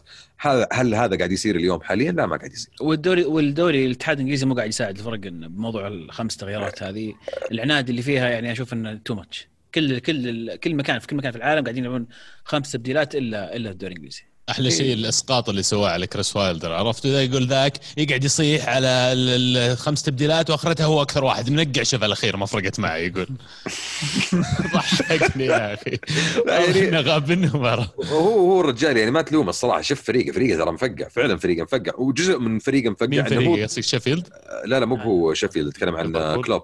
وجزء من فريقه مفقع إنه اسلوب لعبهم طريقة التدريب حقتهم تتطلب كثير من اللعيبة من الناحيه الجسدية من الناحيه ال- الـ physical. فقاعد تضيف لي إياها ضغط المباريات حاليا فما قاعد تساعدني في نهاية اليوم. هذا اللي قاعد يقوله كلوب. أنت ما قاعد تساعدني. عجبني ال شو اسمه اللي قاعد قال إيش تبي أنت؟ ليش ساعدك؟ أبوي لا تقعد تقول لي أنا المختار مباريات ما أنا مختار. يا عمي فكنا يقول له هذا النظام وهذا كلكم agreed عليه من أول لا تقعد تكلمني لا بس المشا... المشاكل هذه في في في, ال- في الكرة الإنجليزية من زمان ما هي بجديدة. يعني من زمان وإحنا نتذكر مورينيو كان يقولها كثير يا جماعة شلون أنا قاعد ألعب Champions League يوم الربوع تلعبوني مباراة يوم السبت؟ إيش قاعد تسوون؟ فمو بشيء جديد. و... اي ولا وصارت يعني في أوقات ثانية يعني مثلا في الدوري الإيطالي لما يكون عندك مثلا semi-final Champions League يوفي ويوفي مثلا عنده semi-final في ال- في الكوبا في الكوبا ممكن الاتحاد الإيطالي يتعاون ويأجل مباراة الكوبا. أو حتى مباراة الـ weekend يصير بدل ما يلعبها السبت واحد يلعبها الجمعة عشان إيه. يصير عنده متسع مع الوقت. بالضبط. يجيك الـ Premier League لا تلعب أحد. إيه. والفريق اللي تلعب ضده لاعب الجمعة وتتقابلون الثلوث اي عادي وش تبي؟ ما تفرق معهم الانجليز لأن بنهايه اليوم فلوس. فلوس يا ولد؟ ما يخالف بس سوي لك سوي لك market يوم الجمعة يعني. أشوف إنه في حلول ثانية بس يلا. فلوس يا عزيز فلوس. okay شوف. حلو. خلصنا بالدوري الانجليزي بقي شيء أحد بده يقوله؟ يعني هل هل هل تتوقعون السؤال بس يطرح نفسه على إيفرتون؟ هل تتوقعون إيفرتون يعني يرجع يستمر كويس ولا خلاص خلصت؟ آه، إيفرتون أكيد. يعني بيصير إيفرتون مرة ثانية. هذا السؤال يعني. والله في مشجع إيفرتون عندي يا شباب في الهاشتاج. شو رأيكم؟ وش يقول مشجع إيفرتون؟ أكيد مغبون الرجال. ملومه سعود يقول إيش يحتاج إيفرتون عشان ينافس وياخذ بطولات؟ وهل إسكو بيفيد الفريق إذا جاء؟ والله إسكو بي- بي- بيقدم إضافة كبيرة للفريق رجع هل والله بيفجر ما. أدري. والله ما يقدم أي إضافة. يا أخي وش ذا؟ إيش دعوة يا أخي معلش آه معلش لاعب مو بجاهز. لا دقيقة بتكلم فنيا. لاعب مو بجاهز. آه المركز الحالي اللي يلعب فيه إسكو فيه اثنين أساسيين ويمكن واحد أو اثنين احتياط أفضل منه حاليا بمراحل. دوكورو عبد الله دوكورو. وخمس وألن غير ألن. لا لا خ- خمس خمس يلعب على اليمين لا خمس أي كلهم. okay. الاثنين. دوكورو لا مين الثاني اللي مع دوكورو ألن. أي ممكن يحولها إلى بالضبط 4 2 في 3 1 أي. وجوميز. جوميز. وجوميز. أي وفي فيلعب ألن دوكوري ويحط إسكو قدام وخاميس. على اليمين وريتشاردسون على اليسار وسيجرتسون. وكرتون قدام. سيجوردسون اللي في الدكة، مالك. صرف وبرناردو. برناردو دكة برضه ما عندك مشكلة. ما أدري أنا أحس إن. هذول الاثنين حاليا. ال- إيفرتون يحتاج مراكز مخت... يعني غير عن الوسط أو صناعة اللعب أنا أنا أشوف من وجهة نظري أو هجوميا. يعني أحس إنه يمكن يحتاج قلب دفاع ممكن يحتاج بديل لل- حارس. حارس. أكيد. طب أنا أنا أنا ما أنا ما أتكلم بس عن إيفرتون خصيصا أنا أتكلم بشكل عام يعني إحنا الحين شفنا 10 مباريات تقريبا بالبريمير ليج أكثر من 10 مباريات. شفنا في فرق فاجأتنا في البداية شفنا أستون فيلا شفنا إيفرتون يفاجئنا وشفنا فرق ثانية شدت وهي اللي ماسكة الحين ال- ال- ال- المراكز المتقدمة. نتكلم عن ليستر نتكلم عن توتنهام نتكلم عن تشيلسي. في نهاية اليوم هل نشوف إن الفرق هذه أستون فيلا وإيفرتون وولفز ممكن ممكن إنها تنافس على ال top four ولا لا زالت بعيدة عنهم؟ أتوقع ما زالت بعيدة شوي. لا صعبة بعيدة. لا ما عندهم ال- ال- ال- ال depth اللي عند ال top 6 تحط في بالك السيتي لا زال بعيد عن ال top four السيتي بيلحق ما عليك. بيلحق. بيجيك. مدرعم السيتي. اي بس أنا بالنسبة لي أتوقع top four يعني بدأت تبان ملامحها بشكل كبير بالنسبة لي. أتكلم عن ليفربول آه، السيتي وتشيلسي وتوتنهام. ما أقول لك هم مضمونين ما بيها لكن, لكن هذول أقرب شيء بدأت تتضح صورة إنهم فعلا فرق عندهم من بداية. من قبل يبدأ الموسم يا إيه. عبد العزيز وحنا متفقين على هذا الشيء. اي بس أنا حاليا بالنسبة لي السيتي لا السيتي ما ما أشوفه قريب. السيتي صح إنه فاز خمسة على على من بيرنلي من من الأربعة نهاية الموسم. عطني أربعة. بدون بطل بدون ترتيب عطني لا أربعة. شوف بناء على العشر بات اللي شفتها؟ لا لا. بناء على العشر بات إيه، لا لا إيه، بناء على العشر. بات اللي شفتها. okay؟ لا لا expectation على الترند. آه شو اسمه؟ توتنهام آه تشيلسي آه ليفربول ليستر. إذا ليستر فاز اليوم يثبتها بعد. موسيقار زمان بس إيش يقول؟ برضو ليستر ترى كان كان الموسم اللي راح برضو شاد. إيه بس- كان الثالث وكانوا أقرب للثاني من الر- من الرابع. يعني اتكلم الأخير انتهى اي بالخامس صح بس أتكلم لك صح. آخر شيء طقع ليستر في آخر هذه طيب. عشر جولات. أقول لك بس في أول عشر جولات الآن ماشي كويس. وبتقنعني إن السيتي مو قادر يلحقها يعني. والله السيتي إذا أجويرو لا زال زعلان وما بيلعب مو بزعلان يا أخي جاء سخن. وحس باصابه يا أخي لا تضيق صدري. آه، ما أدري أنا عله ذا أقسم بالله يا من شرني حالي عله مشكلة أدري إنه لو لما يرجع بيسجل بس خليه يرجع. طبعا إحنا نتكلم يا للمستمعين والمشاهدين نتكلم عن فريق أليكس عن فريق عبد العزيز التعيس جدا في ال draft fantasy Premier League آه، اللي لا زال. يعني محرز بهاتريك الحمد لله. دقيقة سؤال بس عشان نقول للمستمعين والمشاهدين لا زال عبد لا زال عبد العزيز في حول ال 200 نقطة باقي الدوري حول 300 نقطة صحيح. وأبو شامسي حول ال 400 نقطة صحيح فيعني بس صحيح. عشان لكن نأكد زي ما قلت 10 جولات نعم. تونا قديمون من الخلف الموسيقار طيب. الزماني يقول في حال فوز ليستر بكرة يكون معه 21 نقطة متساوي مع توتنهام وليفربول وفي حال فوز مانشستر بالمؤجلة يصير عنده 19 نقطة متساوي مع تشيلسي يبدو أن السنة ذي البريمير ليج قوي جدا وتوقعاتكم الهدافين والأكثر صناعة والأكثر clean sheet في نهاية البريمير ليج. هدافين؟ أكثر clean sheet أتوقع توتنهام. الصناعه راح تكون بين آه، كين. دي بروين و... وكين وبرونو. أنا أشوف أن كين داعس في مسألة الصناعة. الصناعه مم. آه هد- هدافين كالفرت لوين فاردي. فاردي أنا أحس فاردي ممكن فاردي السنة هذه يرجع ياخذها. بس مشكلة فاردي يا أخي اصابات انها تجيك أحيانا يغيب. وترى في الأهداف اللي مسجلها أكثر من- يعني خمسة منها يعني بلنتيات إي sure بس. تجي مباراتين يسجل فيها سبع أهداف. والهدافين؟ يعني. كالفرت لوين الصراحة. كالفرت هدفين إيه بصراحة. كالفرت لوين واحد منهم definitely إذا كمل كمل ال service اللي قاعد. يجي. أتوقع بين صلاح وكين ممكن. و... وسون. إي سون ممكن definitely وصلاح د- نسيناه. لأن اذا إذا كين بيصير أكثر واحد صنع أهداف أتوقع يعني سون بيصير هداف يعني ح- إيه، حاليا صراحة لمين ما أدري. آه، حاليا كالفرت لوين 10 أهداف سون 9 أهداف صلاح 8 فاردي 8 كين 7 يعني بين بين هذول يعني. حلوين. من ناحية الصناعة كين الحين قدام 9 أهداف صانع. وبعدها جريليش خمسة. بس ترى دي برون ما بعد شبك. إيه. دي برون تو يشبك المباراة اللي راحت السيتي كلها تو ضد بيرنلي شبك. فيبدو لي انه راح آه، نشوف دي برون يبدا يصنع نشوف حبه حبه حبه, حبة. آه، أجويرو يبدأ يرجع. صحيح وتشوف فريق يبدأ يصعد. طيب بس حلو. فاز خمسة ترى ما أتوقع إني اضطرينا الموضوع. ولا؟ يعني صح. بيرنلي صار لهم خمس سنين يصقعونهم مساكين لل... خمسة وستة كل- فاز. نسيت. كل, من- كل, كل, كل آخر خمس سنين 3 0 4 0 5 0 هذه النتائج اللي تجي لبيرنلي ف... فضعوف مساكين. آه، لا زال السيتي ما وصل 100% لا زال يحتاج آه، اجويرو يرجع. بس شفنا محرز سجل هاتريك شفنا بقية التشكيلة يعني ترجع تلعب بطريقة حلوة. آه، بالنسبة لي السيتي آه، ما هو ثابت ما هو ثابت ما هو ثابت ما هو consistent والشيء هذا بالنسبة لي بوادر غير إيجابية يعني لهم ولا لي بيب على على بقية الموسم. لأن زي ما قلت الموسم ذا قوي أو زي ما قال زميلنا من الهاشتاج الموسم هذا جدا قوي والفرق كلها رافعة مستواها وقاعد نشوف مفاجآت ما توقعنا نشوفها الصراحة. حلو. سيريا؟ جنة كرة القدم. سيريا؟ في إيطاليا طبعا أهم أهم شيء اللي هو موضوع الصدارة. AC ميلان يستمر في الانتصارات رغم غياب زلاتان ويتصدر ويحافظ كذا يتمسك بالصدارة يتمسك متعنقط فيها هل هل هل فعلا ال- ال- الميلان يعني جديين في سالفة الدوري ولا هم قاعدين ياخذونها مباراة مباراة ويشوفون يصير نهايه الموسم؟ نقطيا والله المو شوف يعني مرة صعب إنك تيجي تقول ميلان الحين ما هو ب serious contender مثل ما يقولون ولا منافس على الدوري بينهم وبين الثاني خمس نقاط قاعدين يفوزون بدون زلاتان. فريقهم لا هم هم نفسهم هم نفسهم. كيف هل هم؟ داخلين؟ يعني شوف اللي قاعد يسوونه فريق داخل يبغى الدوري. بس هل هم فعلا دخلوا قبل الموسم قالوا نبغى الدوري ولا دخلوا قالوا بناخذها مباراة مباراة ونشوف إيش يصير في النهاية؟ انت لو مدرب في اي نادي أتوقع لما يبدأ الموسم تبغى تحط الاكسبكتيشن ولا تبغى تحط آه، طموح الفريق على أعلى شيء تقدر تحطه لأنه يصير اللاعبين كلهم يدفون في نفس الاتجاه. ويعني أنا أعتقد إن ميلان حاليا عندهم جروب مرة كويس من اللاعبين آه، قادرين إنهم يسوون شيء. عاد إذا يقدرون يسوونه فعلا ولا لا هذا اللي يبينا ننتظر نشوف. لكن حاليا تشكيلتهم يا أخي قوية. أتوقع تصريح زلاتان نهاية الموسم اللي راح هو اللي أقنعهم إنه فعلا نقدر نفوز بالدوري. يوم قال أنا لو جيت بدايه الموسم كان فزنا بالدوري. فالحين بدأ معهم الموسم وقاعدين متصدرين يعني.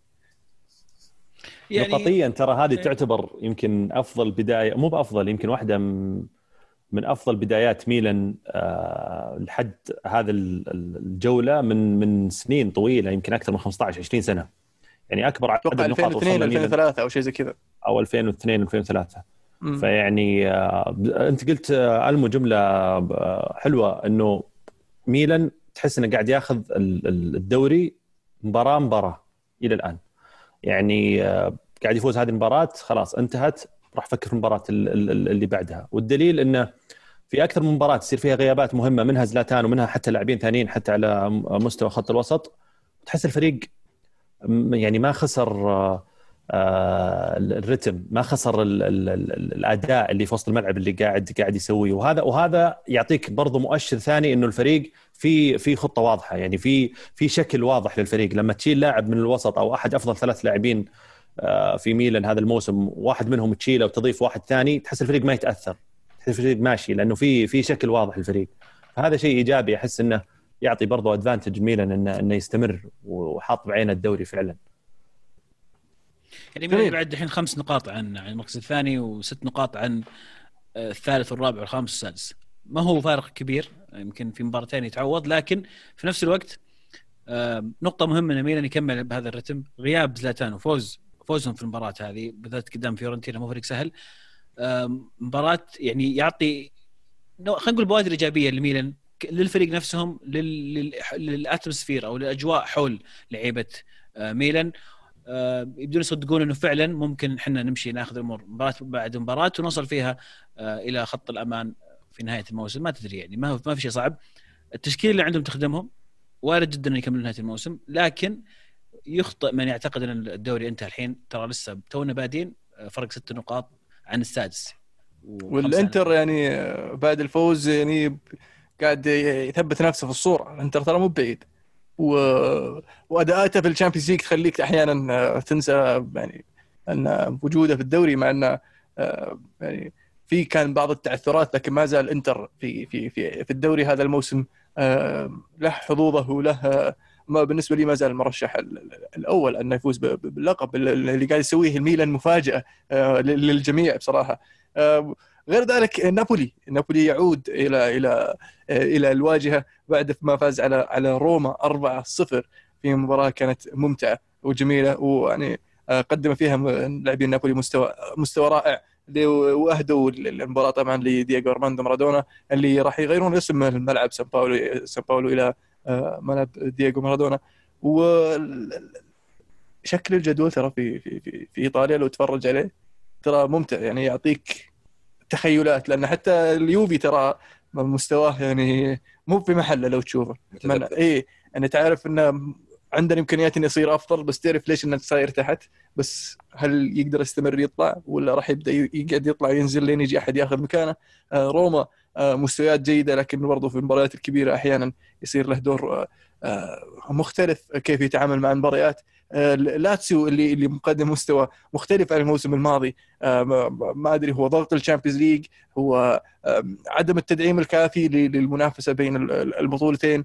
ف آه، المواسم في كرة القدم بشكل عام في هذا الموسم على الأقل في الدوريات الأوروبية ال- الكبرى آه، مختلف. حتى لو تشوف جدول الدوري الفرنسي ال- الأندية ملحمين في بعض. تشوف الدوري الإنجليزي الأندية ملحمين في بعض. فالموسم هذا ما أستبعد إن نشوف أندية جديدة تفوز في في الدوري المحلي. أهم شيء جديدة يعني ما فازوا في آخر خمس سنوات على الأقل يعني. أهم شيء المنافسة موجودة. هذا أهم شيء فعلا فعلا. آه، بس الدوري الألماني اللي ما تغير شيء بصراحة. فرنسي تغير ها شوي شوي. الفرنسي تغير إي لا لا في في. روح شوف الجدول. ملحمين في بعض ترى. ومارسيل ما ناقص له كم مباراة فيعني ممكن فجأة تشوفه يعني لو لو زبطت الأمور بس. حلو. نوصل ل- ل- ل- ليوفنتوس اللي لا حسب يتفنن وصل به. وصل قلت توني بقول لك أنا. يا أخي مو بلازم يا أخي. مو بلازم؟ خلاص مشي. مشيت لي اياها الأسبوع اللي راح أمشيها لك هالمرة. لا هو الصدق الصدق, يعني بشكل مختصر جدا تعادلنا مع مين؟ إحنا مع كروتوني مع بنا بنفنتو. بنفنتو. بنتو. متعادلين مع كروتوني بيب. اي آه يعني ما أعرف شو أقول صراحة. هذا هذا اللي قهرني إني ما أعرف شو أقول. قاعد يحاول يخترع بيرلو أشياء وهو المفروض إنه يرجع يقول لا اصبر لا تسوي المستحيل ولا تسوي ال- الأشياء الكبيرة ارجع بس لل basics الأساسيات والعب بطريقة سهلة أول شيء افهم أنت إيش تبي تسوي عشان توصل له. بعدين ابني ابني ابني ابني مو بتجي من تبي تسوي شيء خرافي كذا يا الآن يشتغل ما, ما راح يزبط معك. هو قاعد هذا قاعد يحاول يسويه قاعد يحاول يخترع أشياء أنا ما أدري وش ولا أني فاهم وش ولا أحد فيه فاهم وش وحنا في وضع حرج الآن. 10 مباريات الان ما ما بان في وضع وضع الفريق أو أسلوب الفريق. تعادل مع بينفنتو ومع كروتوني ومع مدري إيش. طبيعي ترى أول مرة يدرب فقاعد يجرب حرفيا. إي العكس أنا أشوف إن العكس. المفروض إنك أنت أول مرة تدرب ما تحوس واجد ما تخربط الدنيا تبدأ حبة حبة. تجيب إيش كانوا يلعبون السنة الماضية؟ تجيب نفس الشيء نبدأ بسم الله. نبدأ زي ما كنا. نلعب نبدأ نغير شوي شوي شوي شوي شوي شوي لين توصل للفكرة اللي في مخك. اللي بس ما ما عينوه عشان كذا هم يا عبد العزيز. يعني هم عينوه لأن إيه؟ لأنه يعرف عنده علاقة في النادي وأكيد يعني ظهر للإدارة بمقابلاتهم إنه عنده تفكير تكتيكي معين يبغى يطبقه. اي بس كيف كيف هو يطبق التكتيك هذا؟ هو اللي سواه جاء نسف اللي راح يلا ابدأ جديد عرفت؟ وجاب عناصر جديدة فصار في لخبطة. ال- الفريق الجديد ما بتعرف على الفريق الحالي ال- ال- الموجود سابق طريقة اللعب آه، جديدة على الفريق القديم والفريق الحالي. فصار صار فيه تضارب مصالح شوي. يعني تدريج زي ما قال عزيز إنه okay العب زي ما إحنا بعدين نبدأ نعدل هنا شوي نبدأ نعدل هنا شوي. ممكن ساعده أليجري ترى كان يسوي كذا الزاحف. أيوه أنا استغربت الليجري كيف سوى مع مع كونتي. كنت أفكر شلون بيسوي. جاء لعب نفس الطريقة نفس اللعب. أول موسم تقول كونتي يلعب ما تدري. الموسم الثاني بدأت تشوف التغيرات مع إنه مع إنه يعني كان يسوي حركاته اللي اللي أي. في نص المباراة كذا الدقيقه 60 70 يغير التشكيلة. أي. ثلاثة يبدأ ثلاثة في الدفاع فجأة تنتهي المباراه في أربعة في الدفاع. شوي شوي شوي شوي, شوي. لين صار اليوفي يلعب أربعة. خلاص. فهذا الفرق بين هذه مدرب مدرب. عنده خبرة. فعلا مم. فعلا مدرب عنده خبرة ومدرب يعني جديد على الساحه بعد بدأ الكلام الحين عن إقالة بيرلو طبعا. لازم. مين أكيد بوكيتينو في القائمة. أليجري في القائمة بوكيتينو في القائمة. أكيد. بوكيتينو أليجري وبوكيتينو هم الفاضيين الحين. أي أحد يبغى مدرب هذا وهذا يلا طب السؤال عبد العزيز هل. يستمر كريستيانو السنة الجاية؟ يعني إذا كانت السنة هذه سنة خيبة وضياع لليوفي؟ آه ما أشوف في سبب يخلي رونالدو يطلع للأمانة. سبب واحد. اللي هو؟ إذا ما تأهل اليوفي لل Champions League أتوقع راح يواجه صعوبة إنه يستمر في دفع راتبه. صح. ال- ال- اليوفي هو اللي ممكن يتخلى عن رونالدو. أنا ما أتوقع إن رونالدو إيه. راح يبدي رغبة إنه يطلع من اليوفي إلا اليوفي يمكن ما تأهل ال Champions League يمكن يبغى يلعب في ال Champions League هو ك- كرونالدو. لا بس أنا أنا سؤالي ك- كان من ناحية عقد يعني كعقده هو المفروض ينتهي الصيف هذا ولا؟ لا الصيف اللي بعده. اللي بعده. الصيف اللي بعده okay. اي الصيف اللي بعده. فإذا اليوفي يبغى يبيع المفروض يبيع الصيف هذا. يدخل لك كم قرش. اي بس مين بيشيل يعني؟ ما ما في ناس تشيل. وكثير يشيل. رونالدو. يعني هذا السؤال مين بيشيل؟ مين يقدر يشيل لي ويقدر يafford ال wages حقت رونالدو؟ بي إس جي. بي كثير. إس جي. مبابي يروح مدريد يجيبون رونالدو. ليش لا؟ ما أتوقع يسويها يروح في كلام ان اليوفي يبغى يبدل لا, آه، لا لا مو بزين مو بزين. لا cancel. ما كمل ما نبيها هذه أصلا ولا ولا نناقشها ولا نقريها طيب خلينا نعطي المستمعين الفكرة غير منطقية يا أخي. اسمع إن اليوفي يبغى يبدل ديبالا مع إيكاردي. لأن ديبالا مو براضي يجدد لسه ما وصل اتفاق عرفت؟ يعني ايكاردي هم من زمان يلحقون مخضرم في الدوري ويعرف الدوري اي مهاجم صريح يعني. عندنا يا أخي مراتب. مراتب مولع الدنيا مراتب في أحسن طيب. مستوى في حياته الرياضية يصير مع 1 الآن. 2 طق طق. كذا. ما نحتاج ما نحتاج زي لوتارو ولوكاكو. يعني انطرت يصير بعد المباراة بعد نهاية المباراة ما أدري إيش سوى. بس ال- Argument القصد القصد. اذا طلع ديبالا جيب واحد مهاري. يصنع الشيء من لا شيء. هذا نوع من اللعيبة. مو بإيكاردي. كيسا عندك كيسا وكولوسوفسكي عطنا بطل بصل بس عطنا بصل. بطل وفصل بطل وباصل شوف انت يوم قلت كيزا خربت الدنيا أنت. انت قلت واحد مهاري وكذا. حلو. المهم أنا جاهز بالنسبة لي بطل البصل. وأنا جاهز. وأنا دامك جاهز. أنت اول واحد يا يلا. حلو. يلا. آه، بالنسبة لي طبعا آه، بطل الأسبوع إديسون كافاني. آه، ويعني ال- الهلال يستاهلون على الثلاثية لكن توقعت أن أحد يختاره كافاني بصراحة اللي سواه هذه المباراة يعني غير آه، المود في في في آه، 45 دقيقة يعطيه العافية.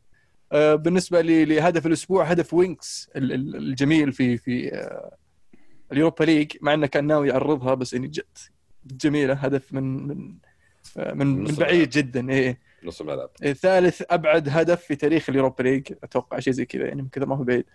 آه بالنسبة ل آه شو اسمه بصل. بصل الأسبوع. آه. قلها قلها قلها عشان أزبد لك اللي قدام العيال.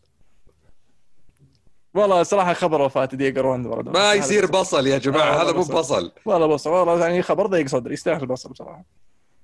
نمشيها. أنا أنا أقول مقبولة بصل أنا شو أنا أقول للبصل بقى احد سوى شيء غلط وتذم عليه. أوه. أنا أنا لا، لا، أنا لا، أنا, لا، أنا لا. عندي أنا أنا عندي بس على لأن بس أبغى أوضح لكم البصل. ليس هذا تعريف البصل أول شيء، ثاني شيء بتعريف البصل أبو شامسي البصل. لأنه سوى شيء غلط عرف بالبصله غلط ويستاهل بصل عليه. هذه بصلة صغيرة بصلة ثانية. لا هذه البصلة بتعريفك أنت. okay طيب أعطيك أعطيك بطل وبصل حقي. أنا. بطل بطل الأسبوع بالنسبة لي آه، اللاعب المخضرم العظيم بطل العالم اوليفيه جيرود على هدف الانتصار اللي سجل سجله أمام فريق رن في الشامبيونز ليج في الدقيقة 90 وحقق لتشيلسي تأهل لدور 16 وباقي مباريتين لسه بتلعب. آه، الهدف مره يعني الهدف عادي جت الكورة شاتها صار deflection بس إنه جاء ونط وارتقى فوق المدافع وعلقها تعليق بالراس. فبالنسبة لي بطل الأسبوع هدف الأسبوع أوليفيا جيرود. آه، بصل الأسبوع بالنسبة لي لاعب آه، مهاجم كلوب بروج آه، إيمانويل دينيس البزر اللي مش قاعد يسوي اللي عندهم مباراة away قدام دورتموند وما اخذوه معاهم. ليش ما اخذوه معاهم؟ لأن جاء الرجال بيقعد في الكرسي حقه في الباص. لقى أحد قاعد عليه وفصل. عي يقوم. عي يقوم هذاك الشخص وقال أنا ما براكب الباص. فتركوه الجماعة في في في بلجيكا وراحوا ودورتموند من دونه يعني معلش لاعب عمرك 23 سنة لاعب محترف. يا محترف يا محترف ورينا الاحتراف.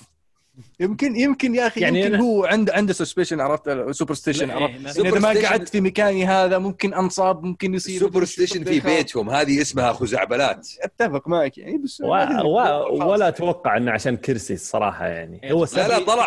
طلع قال عشان كرسي. هو طلع قال طاق عشان مع كرسي. ال... آه okay طلع وقال عشان كرسي لا طلع المدرب قال إنه صارت عندنا مشاكل مع اللاعب واللاعب ما طلع. سألوا مصادر في النادي قالوا المصادر يوم جو يطلعون يركبون الباص بيروحون لدورتموند.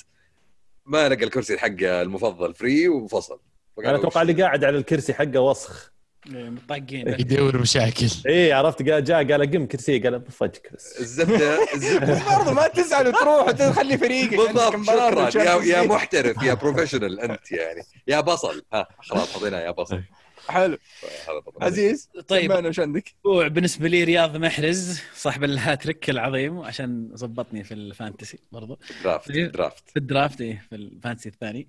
آه بصل الأسبوع هو مزيج من مدريد ويوفي على الخنبقة اللي قاعد يسوونها في في في, في الأداءات رغم رغم الإمكانيات اللي عندهم. لكن مع بعض عبد الرحمن أنا وياك. united together إيه. في البصل. هدف الأسبوع هدف آه، انطوان جريزمان. أتوقع هدف جميل ورائع جدا. ما ما. قلت لك واحد بي- بيقول بطل الهدف لازم. الأسبوع لا. جريزمان قلت لك روح شوف الهدف. ما شفت الهدف يعني. يستاهل. حاط لي هدف جرود.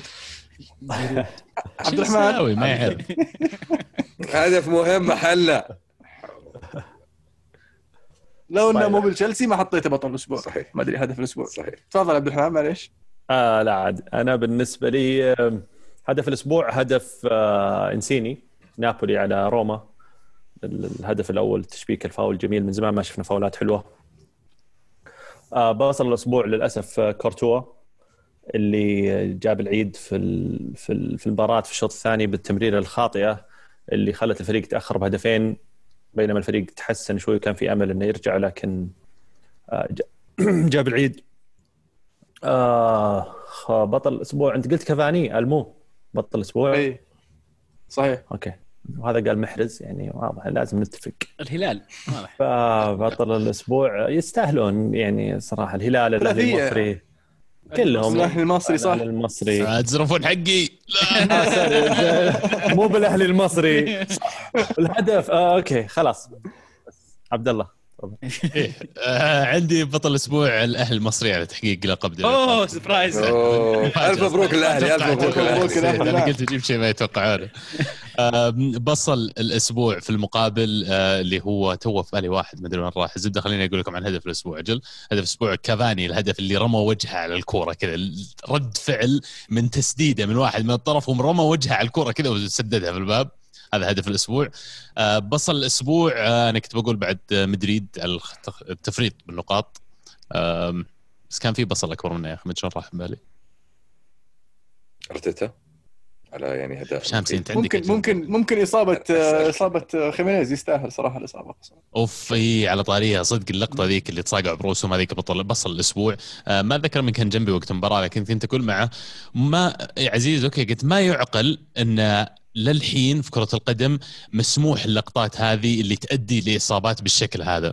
يعني أنا داري الكلام يمكن قد يكون extreme شوي لكن أنا أعتقد ال- الالتحامات بالرأس بالطريقة هذه مو موضوع يحافظ على سلامة اللاعبين. فيمكن يحتاج أو آن الأوان أنه يعاد النظر في موضوع حماية اللاعبين من الجانب هذا. تلبسهم خوذ يعني زي حقت بيتر تشيك؟ والله يعني شوف حلو اقتراحك ما فكرنا فيه ذاك اليوم لكن كنت أقول له إذا أنا في شيء يحفز اللاعب إنه ينقز يرتقي على الكرة براسه واللاعب المدافع نفس الشيء عنده حافز إنه يرتقي فكل واحد واحد يبي يسجل جول واحد يبغى يدافع عن مرماه بتصير لقطات زي اللي صارت بين لويز وبين خيمينيز وأنا ما أعتقد مرة ثانية إنه مناسب ولا شيء يعني يتماشى مع ال vision حق كرة القدم اليوم إنه يحطون اللاعبين في هذا النوع من الخطر.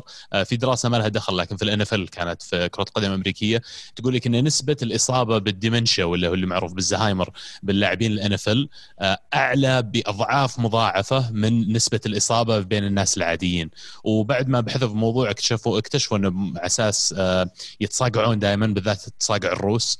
آه، فيعني أتوقع حان الأوان إن ننظر بموضوع لحماية لاعبين كرة القدم لأن اللي ال- صار كرة القدم ما يتصاقعون بالروس. يعني هذه الحالة اللي تصير مو يعني دائما تصير. حالة شاذة اي يعني تصير حالات يعني آه، حالة حالتين يعني ممكن في في في في موسم يعني حتى. يعني أحس حالة هل ال NFL يعتمدون على ال- ال- الالتحامات واللي نخش بكتفك براسك. بجسمك بغض تخش بس في اللي قدامك. طريقه ال- ال- اللعبة تختلف. ف بس- تكاد تكون كل جولة يا المدي تصير كل جولة تصير. يعني أوكي يمكن مرات ما تصير الفيلم لدرجة انه واحد يروح المستشفى زي كذا لكن ترى في كل لقطة اثنين طلعوا على الكورة وشطفوا روس بعض كان هذه فرصة إنه يصير التحام قوي ممكن يؤدي إلى إصابة. فأنا بس هذا اللي أقوله ما أدري وش ال- ال- اللي بيحل الموضوع. إذا تبغى تصير extreme تقول ممنوع والله تنقز وأنت تطق الكرة راس آه تبغى تصير extreme تقول تلبس لا لا, لا, لا تخرب اللعبة. أنا هذا اللي أقول لك يمكن يمكن هذا الأوان. قوانين اللعبة عشان والله يمكن يمكن هذا. الأوان نرجع وما خاف على عمره ليش تخاف. عليه؟ انت تخرب اللعبة. عشان والله خايف على واحد هو حرام ما عنده أخي. مشكلة. حرام. اشتكى هو؟ يعني كل هذا بس عشان ما تبي تقول أرتيتا. أروح اسأل خميس وارجع لك أشوف إذا بيشتكي. اي بي- يلبس خوذة يا أخي. بس ممكن تغير لي قوانين اللعبة والله عشان والله ما يصير التحام ممكن يصير ويلبس خوذة ويدج زي. الثانيين. شوف يا من هو ذاك حق انتر اللي كان يلبس خوذة؟ إيه. يعني من اموره زينة. شو اسمه ذاك؟ مدافع؟ كي... كيفو كيزا كيفو كيفو كيفو كيفو كان طيار تشيفو. مو بتشيفو؟ تشيبو بس تشيبو ترى متعور. إي إيه، من قبل. صارت. يسار وصار يلبس نفس حاله تشيك. حلو. هاشتاج الكرة معنا؟ هاشتاج بس يا عيال قبل ما نروح هاشتاج الكرة معنا بس يا عيال شفتوا هدف آه، إمبولو في ال Champions League؟ أنا شفت. ال double حق ال double yes. ال German team معروف. yes ذا ال German team بوريل. تبي أشوف بس يعني بولو نسيتوه ولا لا؟ لا لا لا ما نسينا. بس أنا ما حبيت أجيب شيء من فريقي عرفت؟ حبيت اشك آه، أوكي. يا وحش. طيب. آه هاشتاج كرة معنا. آه صديقنا مبارك يقول كان أسبوع حزين بوفاة أعظم لاعب في كرة القدم. إيش رأيكم باحتفالية ميسي وهل لبس تيشيرت نادي ثاني؟ حركة حلوة بحق مارادونا. قصدي أشوف المستفيد الأكبر شركة ياماها اللي جاها دعايه ضخمة مارادونا تقدر تعبر عن حزنك بوفاته بأي حركة سؤال للجميع إيش صاير في أرسنال أنا أشوف الحركة ميسي حلوة يعني ترى ما سألت. السؤال sorry السؤال شو رايكم بحركه ميسي؟ احتفالية ميسي يعني تكلمنا أنا أشوف. إنه. يعني أشوف إنه المفروض إنه ما يسوي كذا خاصة إنه طلع فريق ثاني شال فريق في نيلة فريقه وطلع فريق ثاني وأرسنال صاير- طبعاً صاير في أرسنال؟ إيش صاير في أرسنال. يعني تكلمنا انها تخبط يعني. صار على- على طاري- ما في فلوس. أوكي طيب ما فلوس ما تشترك سبع لعيبة. على طاري وين سبع أرسنال. يا أخي عد لي لحظة لا عد لي. وش كم كم واحد؟ شاري؟ بارتي يا ابن؟ بارتي ب شريت 50 بس. مليون وجابرييل شايلين اياه وموب عشرين. جايب تر وش اسمه مين؟ ويليام جايب لي إياه. هذه وش هذه كلها. مقابلهم مقابلهم كلهم بايع يا عيال ترى. مين طيب, طيب. أوكي. بس انه يعني دامك دعمت فريقك ودامك جددت فريق وعملت refresh عناصر لا تقول لي ما في فلوس ما تكون 11 مدري 15 الحين ما أدري انت وين في الدوري أصلا. مشكلة عيال النعمة ذولي ما يقدرون آه، شو اسمه في في Arsenal Fan TV إذا واحد آه، سألوه انه وش حظوظ ارسنال في آه، ال top four فقال آه، ما دام إن آه، مانشستر يونايتد وتشيلسي يحافظون على مدربينهم أشوف إنه يعني آه، ارسنال ضامن إنه يخلص فوقهم في الترتيب وال top four اهم شيء محافظين على مدربينهم بس. آه والله الوضع صدق يضحك يعني وضع الأندية يعني يمكن يونايتد وأرسنال أكثر شيء يضحك يعني. الوضع طلع أصعب بكثير إنك لما تنزل من الفترة ذيك إنك ترجع لل top four وتصير أنت established top four Premier League club يعني أنا أشوف الحين البارح نضحك على الموضوع لكن فعلا أترحم على أيام فنجر وأقول إنه بدأ ضد احترى الله يرحم أيام فنجر يعني. ف... حزم من الهاشتاج يقول بطل الأسبوع فخر الدكة رياض محرز. هاتريك جميل. بصل الأسبوع لامبارد على خسارته نقطتين من أقوى فرق ال Premier League. هدف الأسبوع هدف جريزمان. شكله يشجع توتنهام. دقيقة شلون بصل إنه خسر نقطتين من أقوى ما فريق؟ ما فهمت. ما أعرف ما أدري. بس بينج أتوقع بس ما أعرف على مين. هيثم يقول اللي تابع برونو يعرف مدى إمكانياته وإيجابيته التي يضيفها للفريق دائما لكن عنده مشكلة تكتيكية تحتاج وقفة من المدرب وهي فقدان الكرة بشكل متكرر. وعلى هذا يبذل الفريق جهد مضاعف في استرجاعها. المخاطرة في التمرير ميزة لكن إذا زادت تصبح عيب. أولي يقدر يصقل هذه الموهبة؟ لا بس عشان كذا أتوقع يلعب وراه اثنين defensive midfielders هو طريقة لعبه كذا. ال- يسوي المناولات اللي فيها مخاطرة عالية وكثير منها تصلح. high risk high reward إي فصح انه انه يخطئ كثير ويضيع كور كثير بس إنه يختلق فرص كثير وهذا اللي الشيء اللي كان يفقده مانشستر يونايتد لأن كل كان في مانشستر يونايتد يلعب ال- المناولات ال- الآمنة ناول يمين ناول جنبك عرفت؟ هذا كان هذا تجيه الكورة بلمسة واحدة ينطلها هناك كذا حتى بدون ما يلتفت تلقى فجأة ما واحد من اللي يركضون قدام منفرد. ف آه، في فيها إيجابية بالعكس تعطي تعطي مانشستر يونايتد يعني اضافه آه، إضافة. بيحتاجها. وغير كذا تعطي وظيفة لبوجبا اللي يصير لقاط كور خلاص يصير هو اللي يلقط الكور دائما برا الملعب؟ برا الملعب قصدي لا لا جوا الملعب يصير هو ال ball ball water carrier ولا ال ball اي ال water boy اي water boy برا الملعب. أهم شيء برا الملعب مو جوا. لا يعني can do both يعني جوا الملعب وبرا الملعب. فتى المياه. فتى المياه. طراد يقول ألف مبروك للزعماء كأس الملك. موسم مثالي نتج عنه ثلاثية تاريخية. hard luck جماهير النصر. بطل الهلال إدارة ولاعبين وجماهير. هدف الأسبوع هدف جريزمان ضد أوساسونا مبروك للهلاليين و hard luck للنصراويين الزوري يقول هل تتمنى خروج رونالدو والاستفادة من أمواله وراتبه؟ أوه سؤال واضح انه حلو. لك موجه ذا عزيز. لا. والله أنا أشوف إنك مفروض يا عزيز. لا ما أدري. أحس يعني بعدين إذا بعت رونالدو مين إيه. بيجيب لك هذه النقاط يعني؟ يعني هو الحين عندك ما يلعب ما تجيب نقاط. يعني إذا أنت بتبيع رونالدو بتضبط الفريق بتجيب أسماء يعني أكيد هذا اللي بتسويه أكيد هذا أنا. خاف أنا خاف تبيع رونالدو ما تسوي كذا. تروح تستمر. على كيازا وبرناردسكي والطقه يعني شوف زي ما زي ما أنا أقول لك أعطيك المثال. لما باعوا لما باعوا أنت من اشتريته؟ لما باعوا يونايتد لما باعوا رونالدو من اشتروا سنه ثلاث لاعبين. ناني مايكل أوين okay. اوبرتان وفالنسيا. okay كان. الأقرع- الاقرع أيوه. أنا أنا اللي اتذكر الصراحة لما باعوا توتنهام جارث بيل صفوا تسعة ما أدري سبعة سبعة سبعة لاعبين. يا لعيبة عمي و- سلامتك. لا لا مانشستر يونايتد ترى كان وقتها وإعادة بناء الفريق. كانت عرفت؟ كان يعني فعلا يعني رجعوا بنوا الفريق فلوس بيل. ما في زي بيعة اليوفي لزيدان هذيك البيعة اللي بعدها راح طقوا ندفيد بوفون بوفون. وتورام يوربو يعني كيف حالك؟ أحلى بيع تعال يا بارما شيل شيل بارما يلا شيل.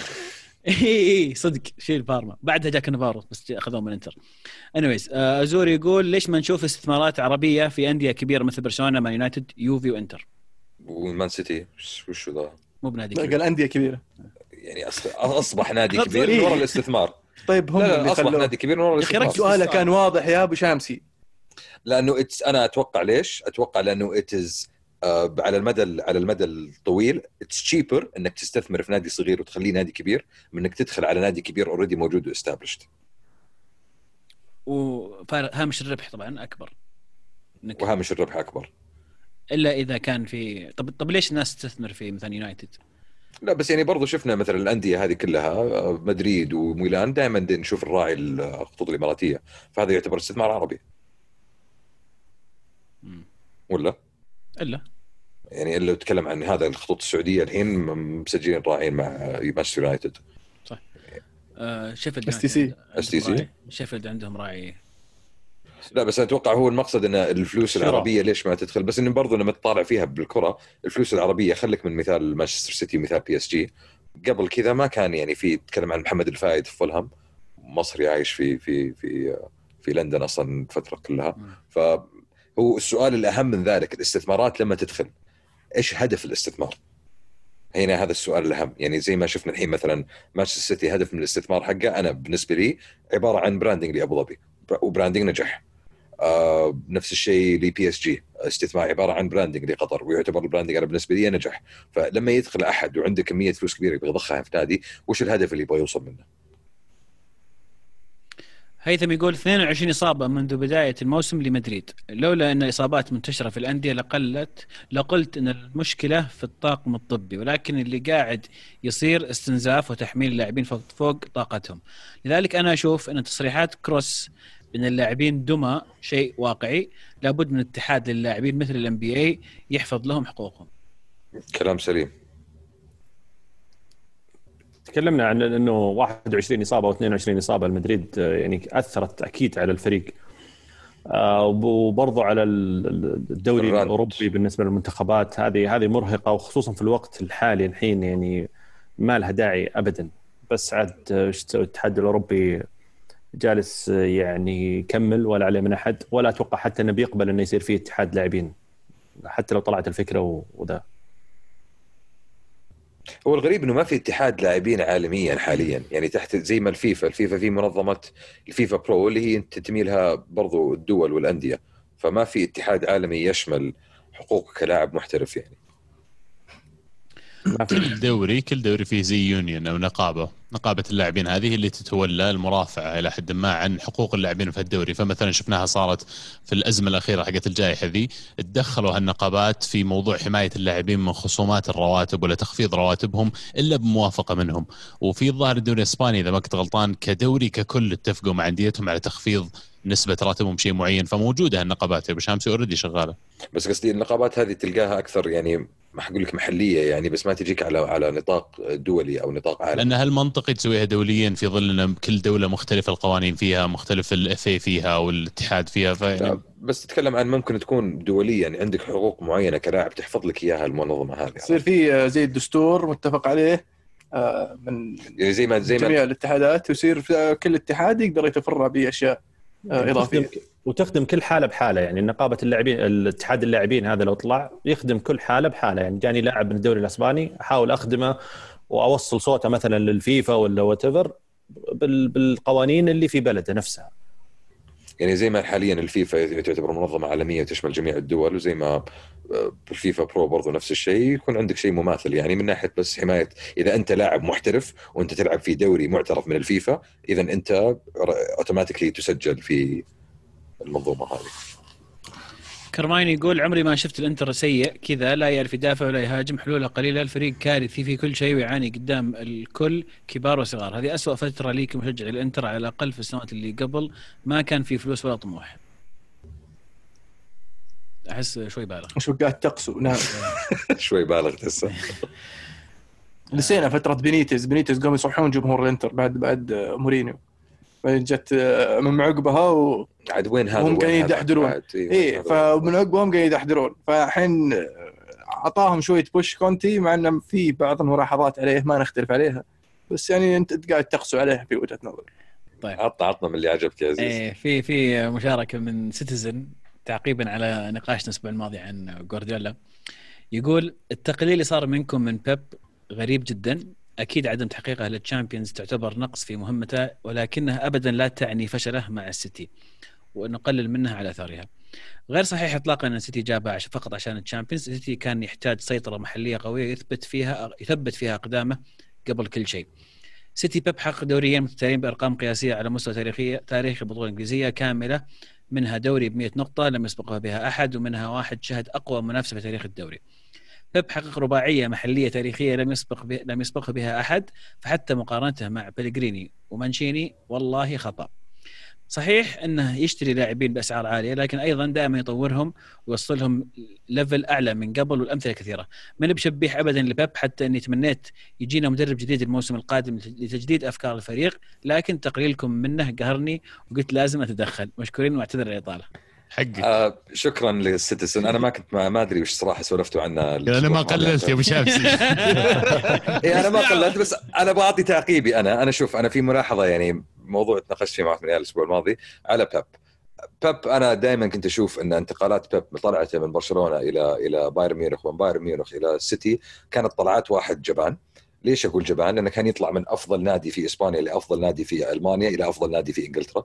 في كل الأندية هذه حصل على كل الأشياء اللي كان ممكن يحتاجها أو يبغاها عنده في أفضل في ألمانيا عنده أفضل لعيبه في ألمانيا، في إسبانيا كان عنده أفضل لعيبه في إسبانيا، وصل إنجلترا كان عنده نسبة كبيرة من أفضل لعيبه في إنجلترا. جاب جاب فريق. جديد بعد لا بس هنا هنا هنا هنا هنا نقطتي، النقطة إن بيب لما تطالع في في فترته خلال السيتي آخر ثلاث أربع سنوات، اللعيبة اللي اشتراهم ترى جايب العيد، ترى جايب العيد من ناحية ما ما في لعيبة كويسين اشترا اشتراهم بيب في آخر أربع ثلاث أربع سنين في السيتي، الوحيد اللي يحضرني الوحيد اللي لاعب كويس اشتراه بيب محرز.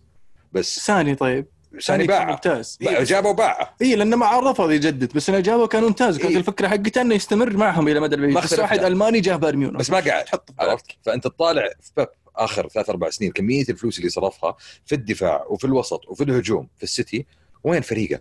وين فريقه؟ وأنا وال... وال... وال... هو اللي جايب ووكر؟ أتوقع ووكر من ووكر واحدة ثانية كويسة ولا تزال. هذه اثنين من أصل كم؟ 10 إدرسون طيب. 15 ادرسن لا راح اشترى ادرسن عشان يغطي على كلاديو برافو اللي هو جايبه. يعني رحت اشتريت لاعب سبا آه، حارس سبك وما عجبك رحت اشتريت واحد ثاني أحسن منه عشان تغطي على حارس السبك اللي اشتريته.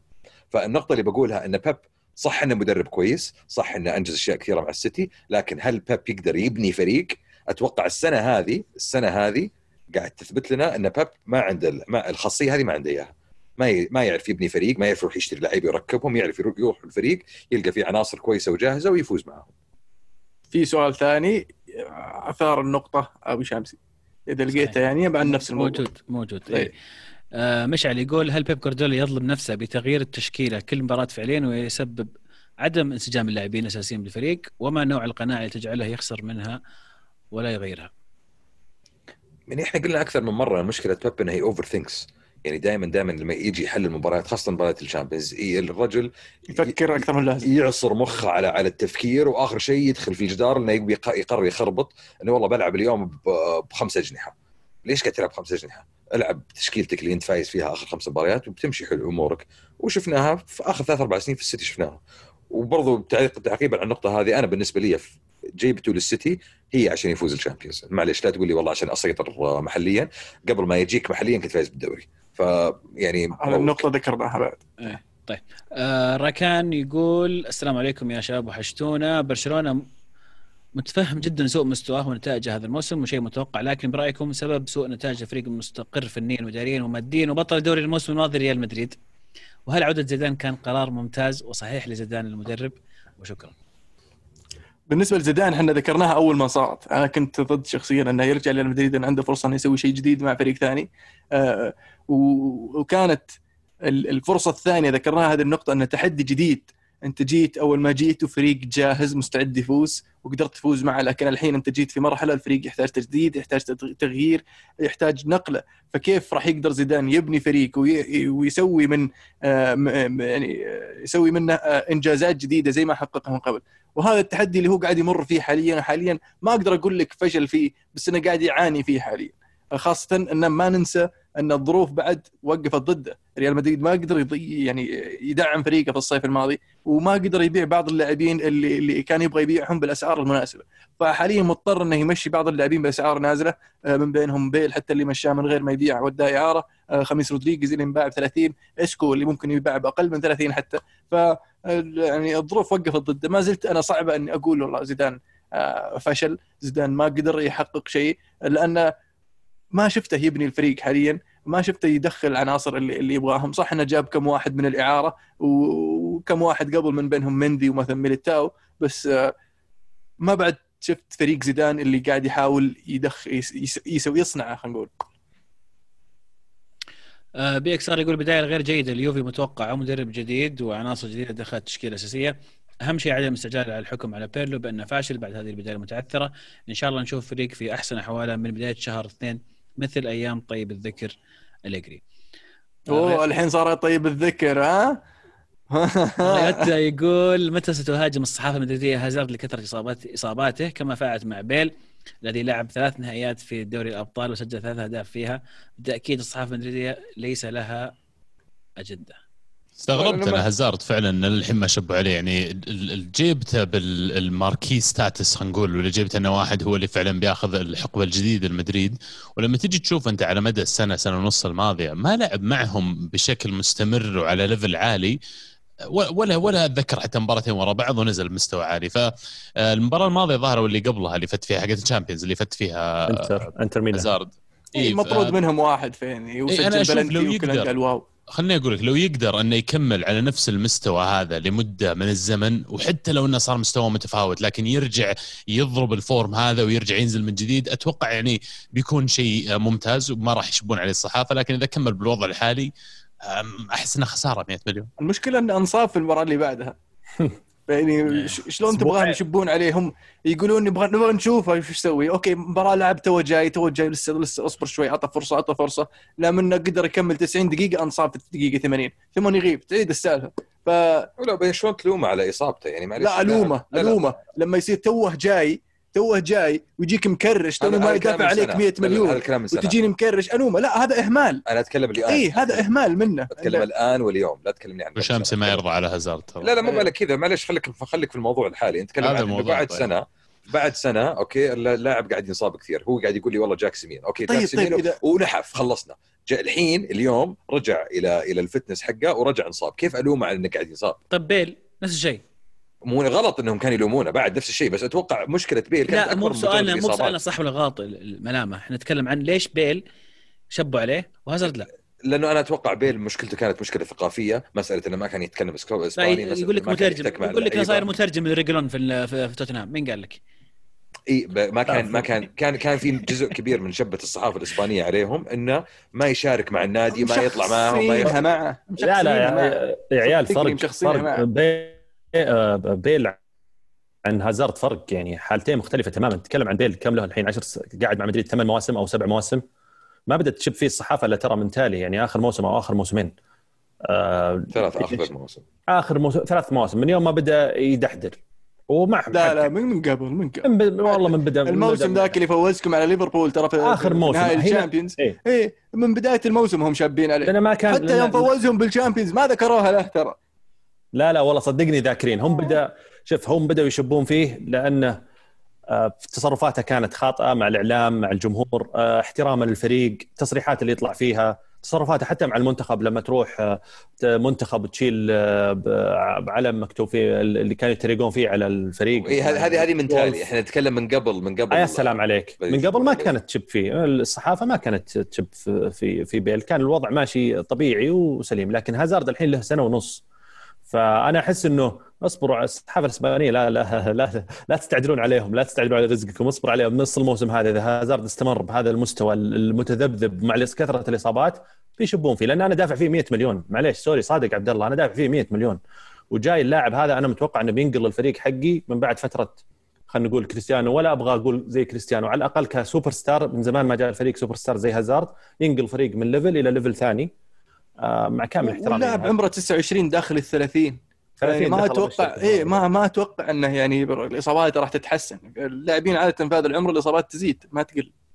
وأنا وأنا قلتها في واحدة من سوري عزيز قلتها في واحدة من ال... يمكن الحلقات قبل إنه حتى جمهور مدريد لازم يحط في باله إنه لا يتوقع من هازارد إن اللاعب اللي بيسجل لك 25 هدف في الموسم. هذا هو هذا هو هذا كل- كلامك كل- 100% أغلب الجمهور آه، يعني كان يتكلم إنه أوه ما عوض رونالدو ما قدر يعني يعوض كريستيانو. مخ تماما فرق. ما ما راح يسجل لك ولا حتى يمكن 10 أهداف.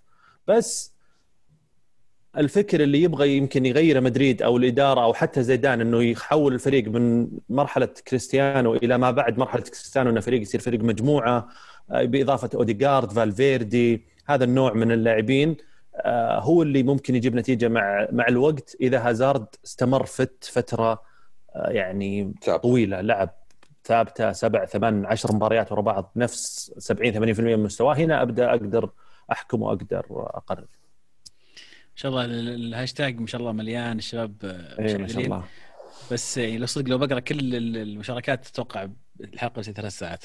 فبحاول أنتقل الأشياء اللي ما تكلمنا فيها أثناء آه، حوارنا في الحلقة. عزوز يقول يا أخي الميلان مع زلتان ولا ولا بدون زلاتان؟ ممتع لكن ما زلت مخفف التوقعات عشان ما نصدم في في- ما نصدم في الأخير. التأهل الأبطال هو الأهم. وأتمنى مانشستر يونايتد مقاطعة منتجات فرنسية. والله حتى أنا شكله شكله عشان مارتيال وبوجبا كلهم. آه، بطل الأسبوع كافاني والهلال بطل الأسبوع أرسنال آسف. هدف الأسبوع هدف هازارد الشقيق على كولن طبعا ثورجن هازارد. لاعب دورتموند. آه،. أحسن هازارد. صحيح. أحسن هازارد في آخر ثلاث مواسم ترى بيتر هازارد. حلو. آه، فهد يقول من باب الإحراجات سؤال لكم جميعا والاعتذار من الإجابة ممنوع. أول ما حبيت الكورة لو النادي اللي تشجعه ما هو موجود أساسا وش كان كل واحد منكم يشجع وقتها؟ اوروبيا إيه. أوه حلو. ممكن ممكن على مستوى محلي بعد. لا لأن لأن يعني إذا أتكلم عن مانشستر يونايتد راح أكون برشلوني لأن بديت أشجع برشلونة قبل أشجع يونايتد. يعني أنا أتذكر يعني أصلا أول ما طحت في الكورة كنت طايح في مدريد يوم فيفا 98 على ال 64 فكان هو مدريد ليش إن عندهم روبرتو كارلوس واحد مرة سريع يركض ويشوت زين. فيعني هي هذه كانت أول الفترات الكروية. أتوقع فضحت نفسك أبو شمسي. ليش؟ آه، أنا بالنسبة لي يعني أعتقد ويمكن يفاجئكم لكن يونايتد أو ريال مدريد. لأن ذاك الوقت كان يعني أكبر يمكن ناديين من ناحية الهالة وفرق كبير فعلاً،. عنهم وعن الأندية اللي عقبهم. فيعني أتذكر ذاك الوقت حتى ما كنت أتابع الدوري الأوروبي ولا الدوري ولا أي من الدوريات لكن تصير المباريات لو تتذكرون الترويجية هذه ال- الوديات اللي آه، ينقلونها بين يونايتد ومدريد it was a thing يعني ذاك اليوم. ولا وتسمع وقتها يونايتد آه، ومدريد اشتروا زيدان أغلى لاعب في العالم يعني كانت الأخبار هذه ت- تترك أثر يعني. أنا يمكن وقتها ريال مدريد كنت معجب جدا ب راؤول صراحة كنت أحب أنا المدريديه اطلعوا يا حبيبي لا لا. ثلاثة منها فريق الكورة معنا ما- مدريديين بالأصل. تخيل. لا لا ما ما أقول لك حبيته. لا لا لحظة. ما إيه. حبيته قبل يوفي أقول لك يمكن لو ما في يوفي رحت مع مدريد. أو يمكن هذا شيء يعني يمكن بقوله مرة واحدة في حياتي ما راح أعيده ابدا. كان كان عاجبني ال- رونالدو في في الفريق اللي السماعه هنا ترى. المخ- في الفريق المخطط أزرق وأسود. آه، وش اسمه وش اسمه الفريق؟ وش اسمه الفريق؟ ما يحضرني حاليا. أتلانتا؟ أتلانتا هو هو أتلانتا؟ لكن لكن يعني الحمد لله انه يعني كان كانت الأمور واضحة بالنسبة لي وكان اليوفي هو الفريق اللي اللي طحت فيه. محليا ما أتوقع بشجع شيء لأني كنت أنا ماشي ورا اللون الأزرق يعني ف... يعني ما كنت أعرف إلا الهلال بصراحة. غير صحيح. كنت عبد الرحمن أنا والله شوف قاعد أفكر يمكن طلع 17 فريق في راسي الحين. بس عشان عشانكم بقول أرسنال ولا اليوفي ولا تشيلسي. يا عيني يا عيني يا عيني. بالترتيب هذا صح؟ يعني أرسنال دائما نعم، نعم. فلا والله شوف أنا أحس يعني شوف الوالد كان يحب ليفربول ما أدري ليش على أيام يعني أيام 98 ما أدري ليش. اي إيه، لحق على ليفربول في الثمانينات لأنه. أتوقع يمكن. فأحس إني كان ودي أقلده. بعدين جاء زين سويت والله. حاس كان ودي أقلده بس هونت. زي زين انك هونت يعني. إيه. فجاء راؤول وحاس هو بدعوة راؤول هو بغى يسحبني معه بس شوي كان في ديل بيرو أذكر شوي ف... طيب. المشكلة المفروض مسحوب. أنت 98 المفروض ساحبينك بس عاد يلا لا من قبل من قبل أنا خلاص أنا عارف. إيه بس عاد آه... لارس يقول مشكلة سولشاير مو بأنه ما عنده تكتيك هو عنده تكتيك بس مشكلته يختار التكتيك الغلط للمباراة يعني قراءته للفريق الثاني فيها مشكلة للأسف. أختلف معك تماما. ما عنده تكتيك. تماما. أو أحسن شيء يسويه إنه يعرف يقرأ فريق الخصم بس ما يعرف إيش يسوي قراه بس ما عنده بس ما عنده تكتيك. شو معنى تكتيك؟ يعني يعرف he knows how to react بس ما في إنه والله هذا ال system حقنا وبنلعب في ال system حقنا وهذا ال identity حق الفريق. هذا لا هو هو قاعد يشتغل على identity حق الفريق صار ثلاث سنين قاعد يشتغل إيش قاعد يسوي؟ ال- ال- الفكرة اللي يبغى يسويها ما تعتمد على طريقة واحدة تعتمد على أكثر من طريقة بس عشان يتشربها الفريق يحتاج مدة أطول. أها. هذه الفكرة اللي هو قاعد يحاول يسويها. آه، بدأ أول شيء بال بال بالمرتدات لأنها كانت هي الأسهل طبعا إنك صف دفاع عندك ناس تركض إيه، هذا هذا الشيء اللي كان المفروض مورينيو مسويه بس أنت مانشستر يونايتد المفروض ما تلعب بالمرتدات. خلينا احكي ولا بتقدر تسولف تفضل. شفت؟ فضبطت معه هذه الحركة. حاليا يبغى بعد بعد التوقيع مع آه، برونو فرنانديز شفنا فريق يتغير. آه، صار يعتمد أكثر على آه، بدأ يقل اعتماده أكثر على عن عن المرتدات يعني. صرنا نشوف يحاول يخترق فرص يحاول يبني يبني يبني الهجمة من الخلف. ولو تشوف المباريات الأخيرة خاصه آخر ثلاث مباريات هذا الموسم فيه فيه آه، طريقة يحاول يسويها آه، من ناحية ال- ال- ال- ال- ال- يعني آه، ما صار يعتمد فقط على المرتدات صار تشوف الفريق يحاول يمسك كوره يبني هجمة صار الفريق يلعب عرضيات لأنه صار عنده واحد اسمه تالس يعرف يرفع عنده واحد اسمه كفاني يعرف يطق كوره بالرأس فقاعد يحاول يخترق أشياء جديدة ف إنك تحكم عليه وتقول إنه ما عنده تكتيك أو ما يعرف يتعامل مع الفرق ال- الثانية خطأ لأن شفناها حتى مع الفرق الكبيرة يعني. فاجأهم كثير يعني. آه، توتنهام بوكيتينو كان يقول جو بوكيتينو جو بوكيتينو أول مباراة ضد بوكيتينو فاز عليه. آه، فاز على بيب ثلاث مرات فاز على آه، شو اسمه آه، لامبارد فاز فاز على يعني يعرف يتعامل مع هذا الشيء يعطي المباراة كيف كيف يستغل نقاط الضعف في الفريق الثاني على أساس يقدر يكسبها الفريق. بس آه، المدرب يحتاج له آه، وقت في وجهة نظري لأنه خبرته ما هي بخبرة كبيرة في في إدارة فرق بحجم مانشستر يونايتد. سجلها هذه الكس يحتاج وقت بعد ثلاث سنين لسه يحتاج وقت.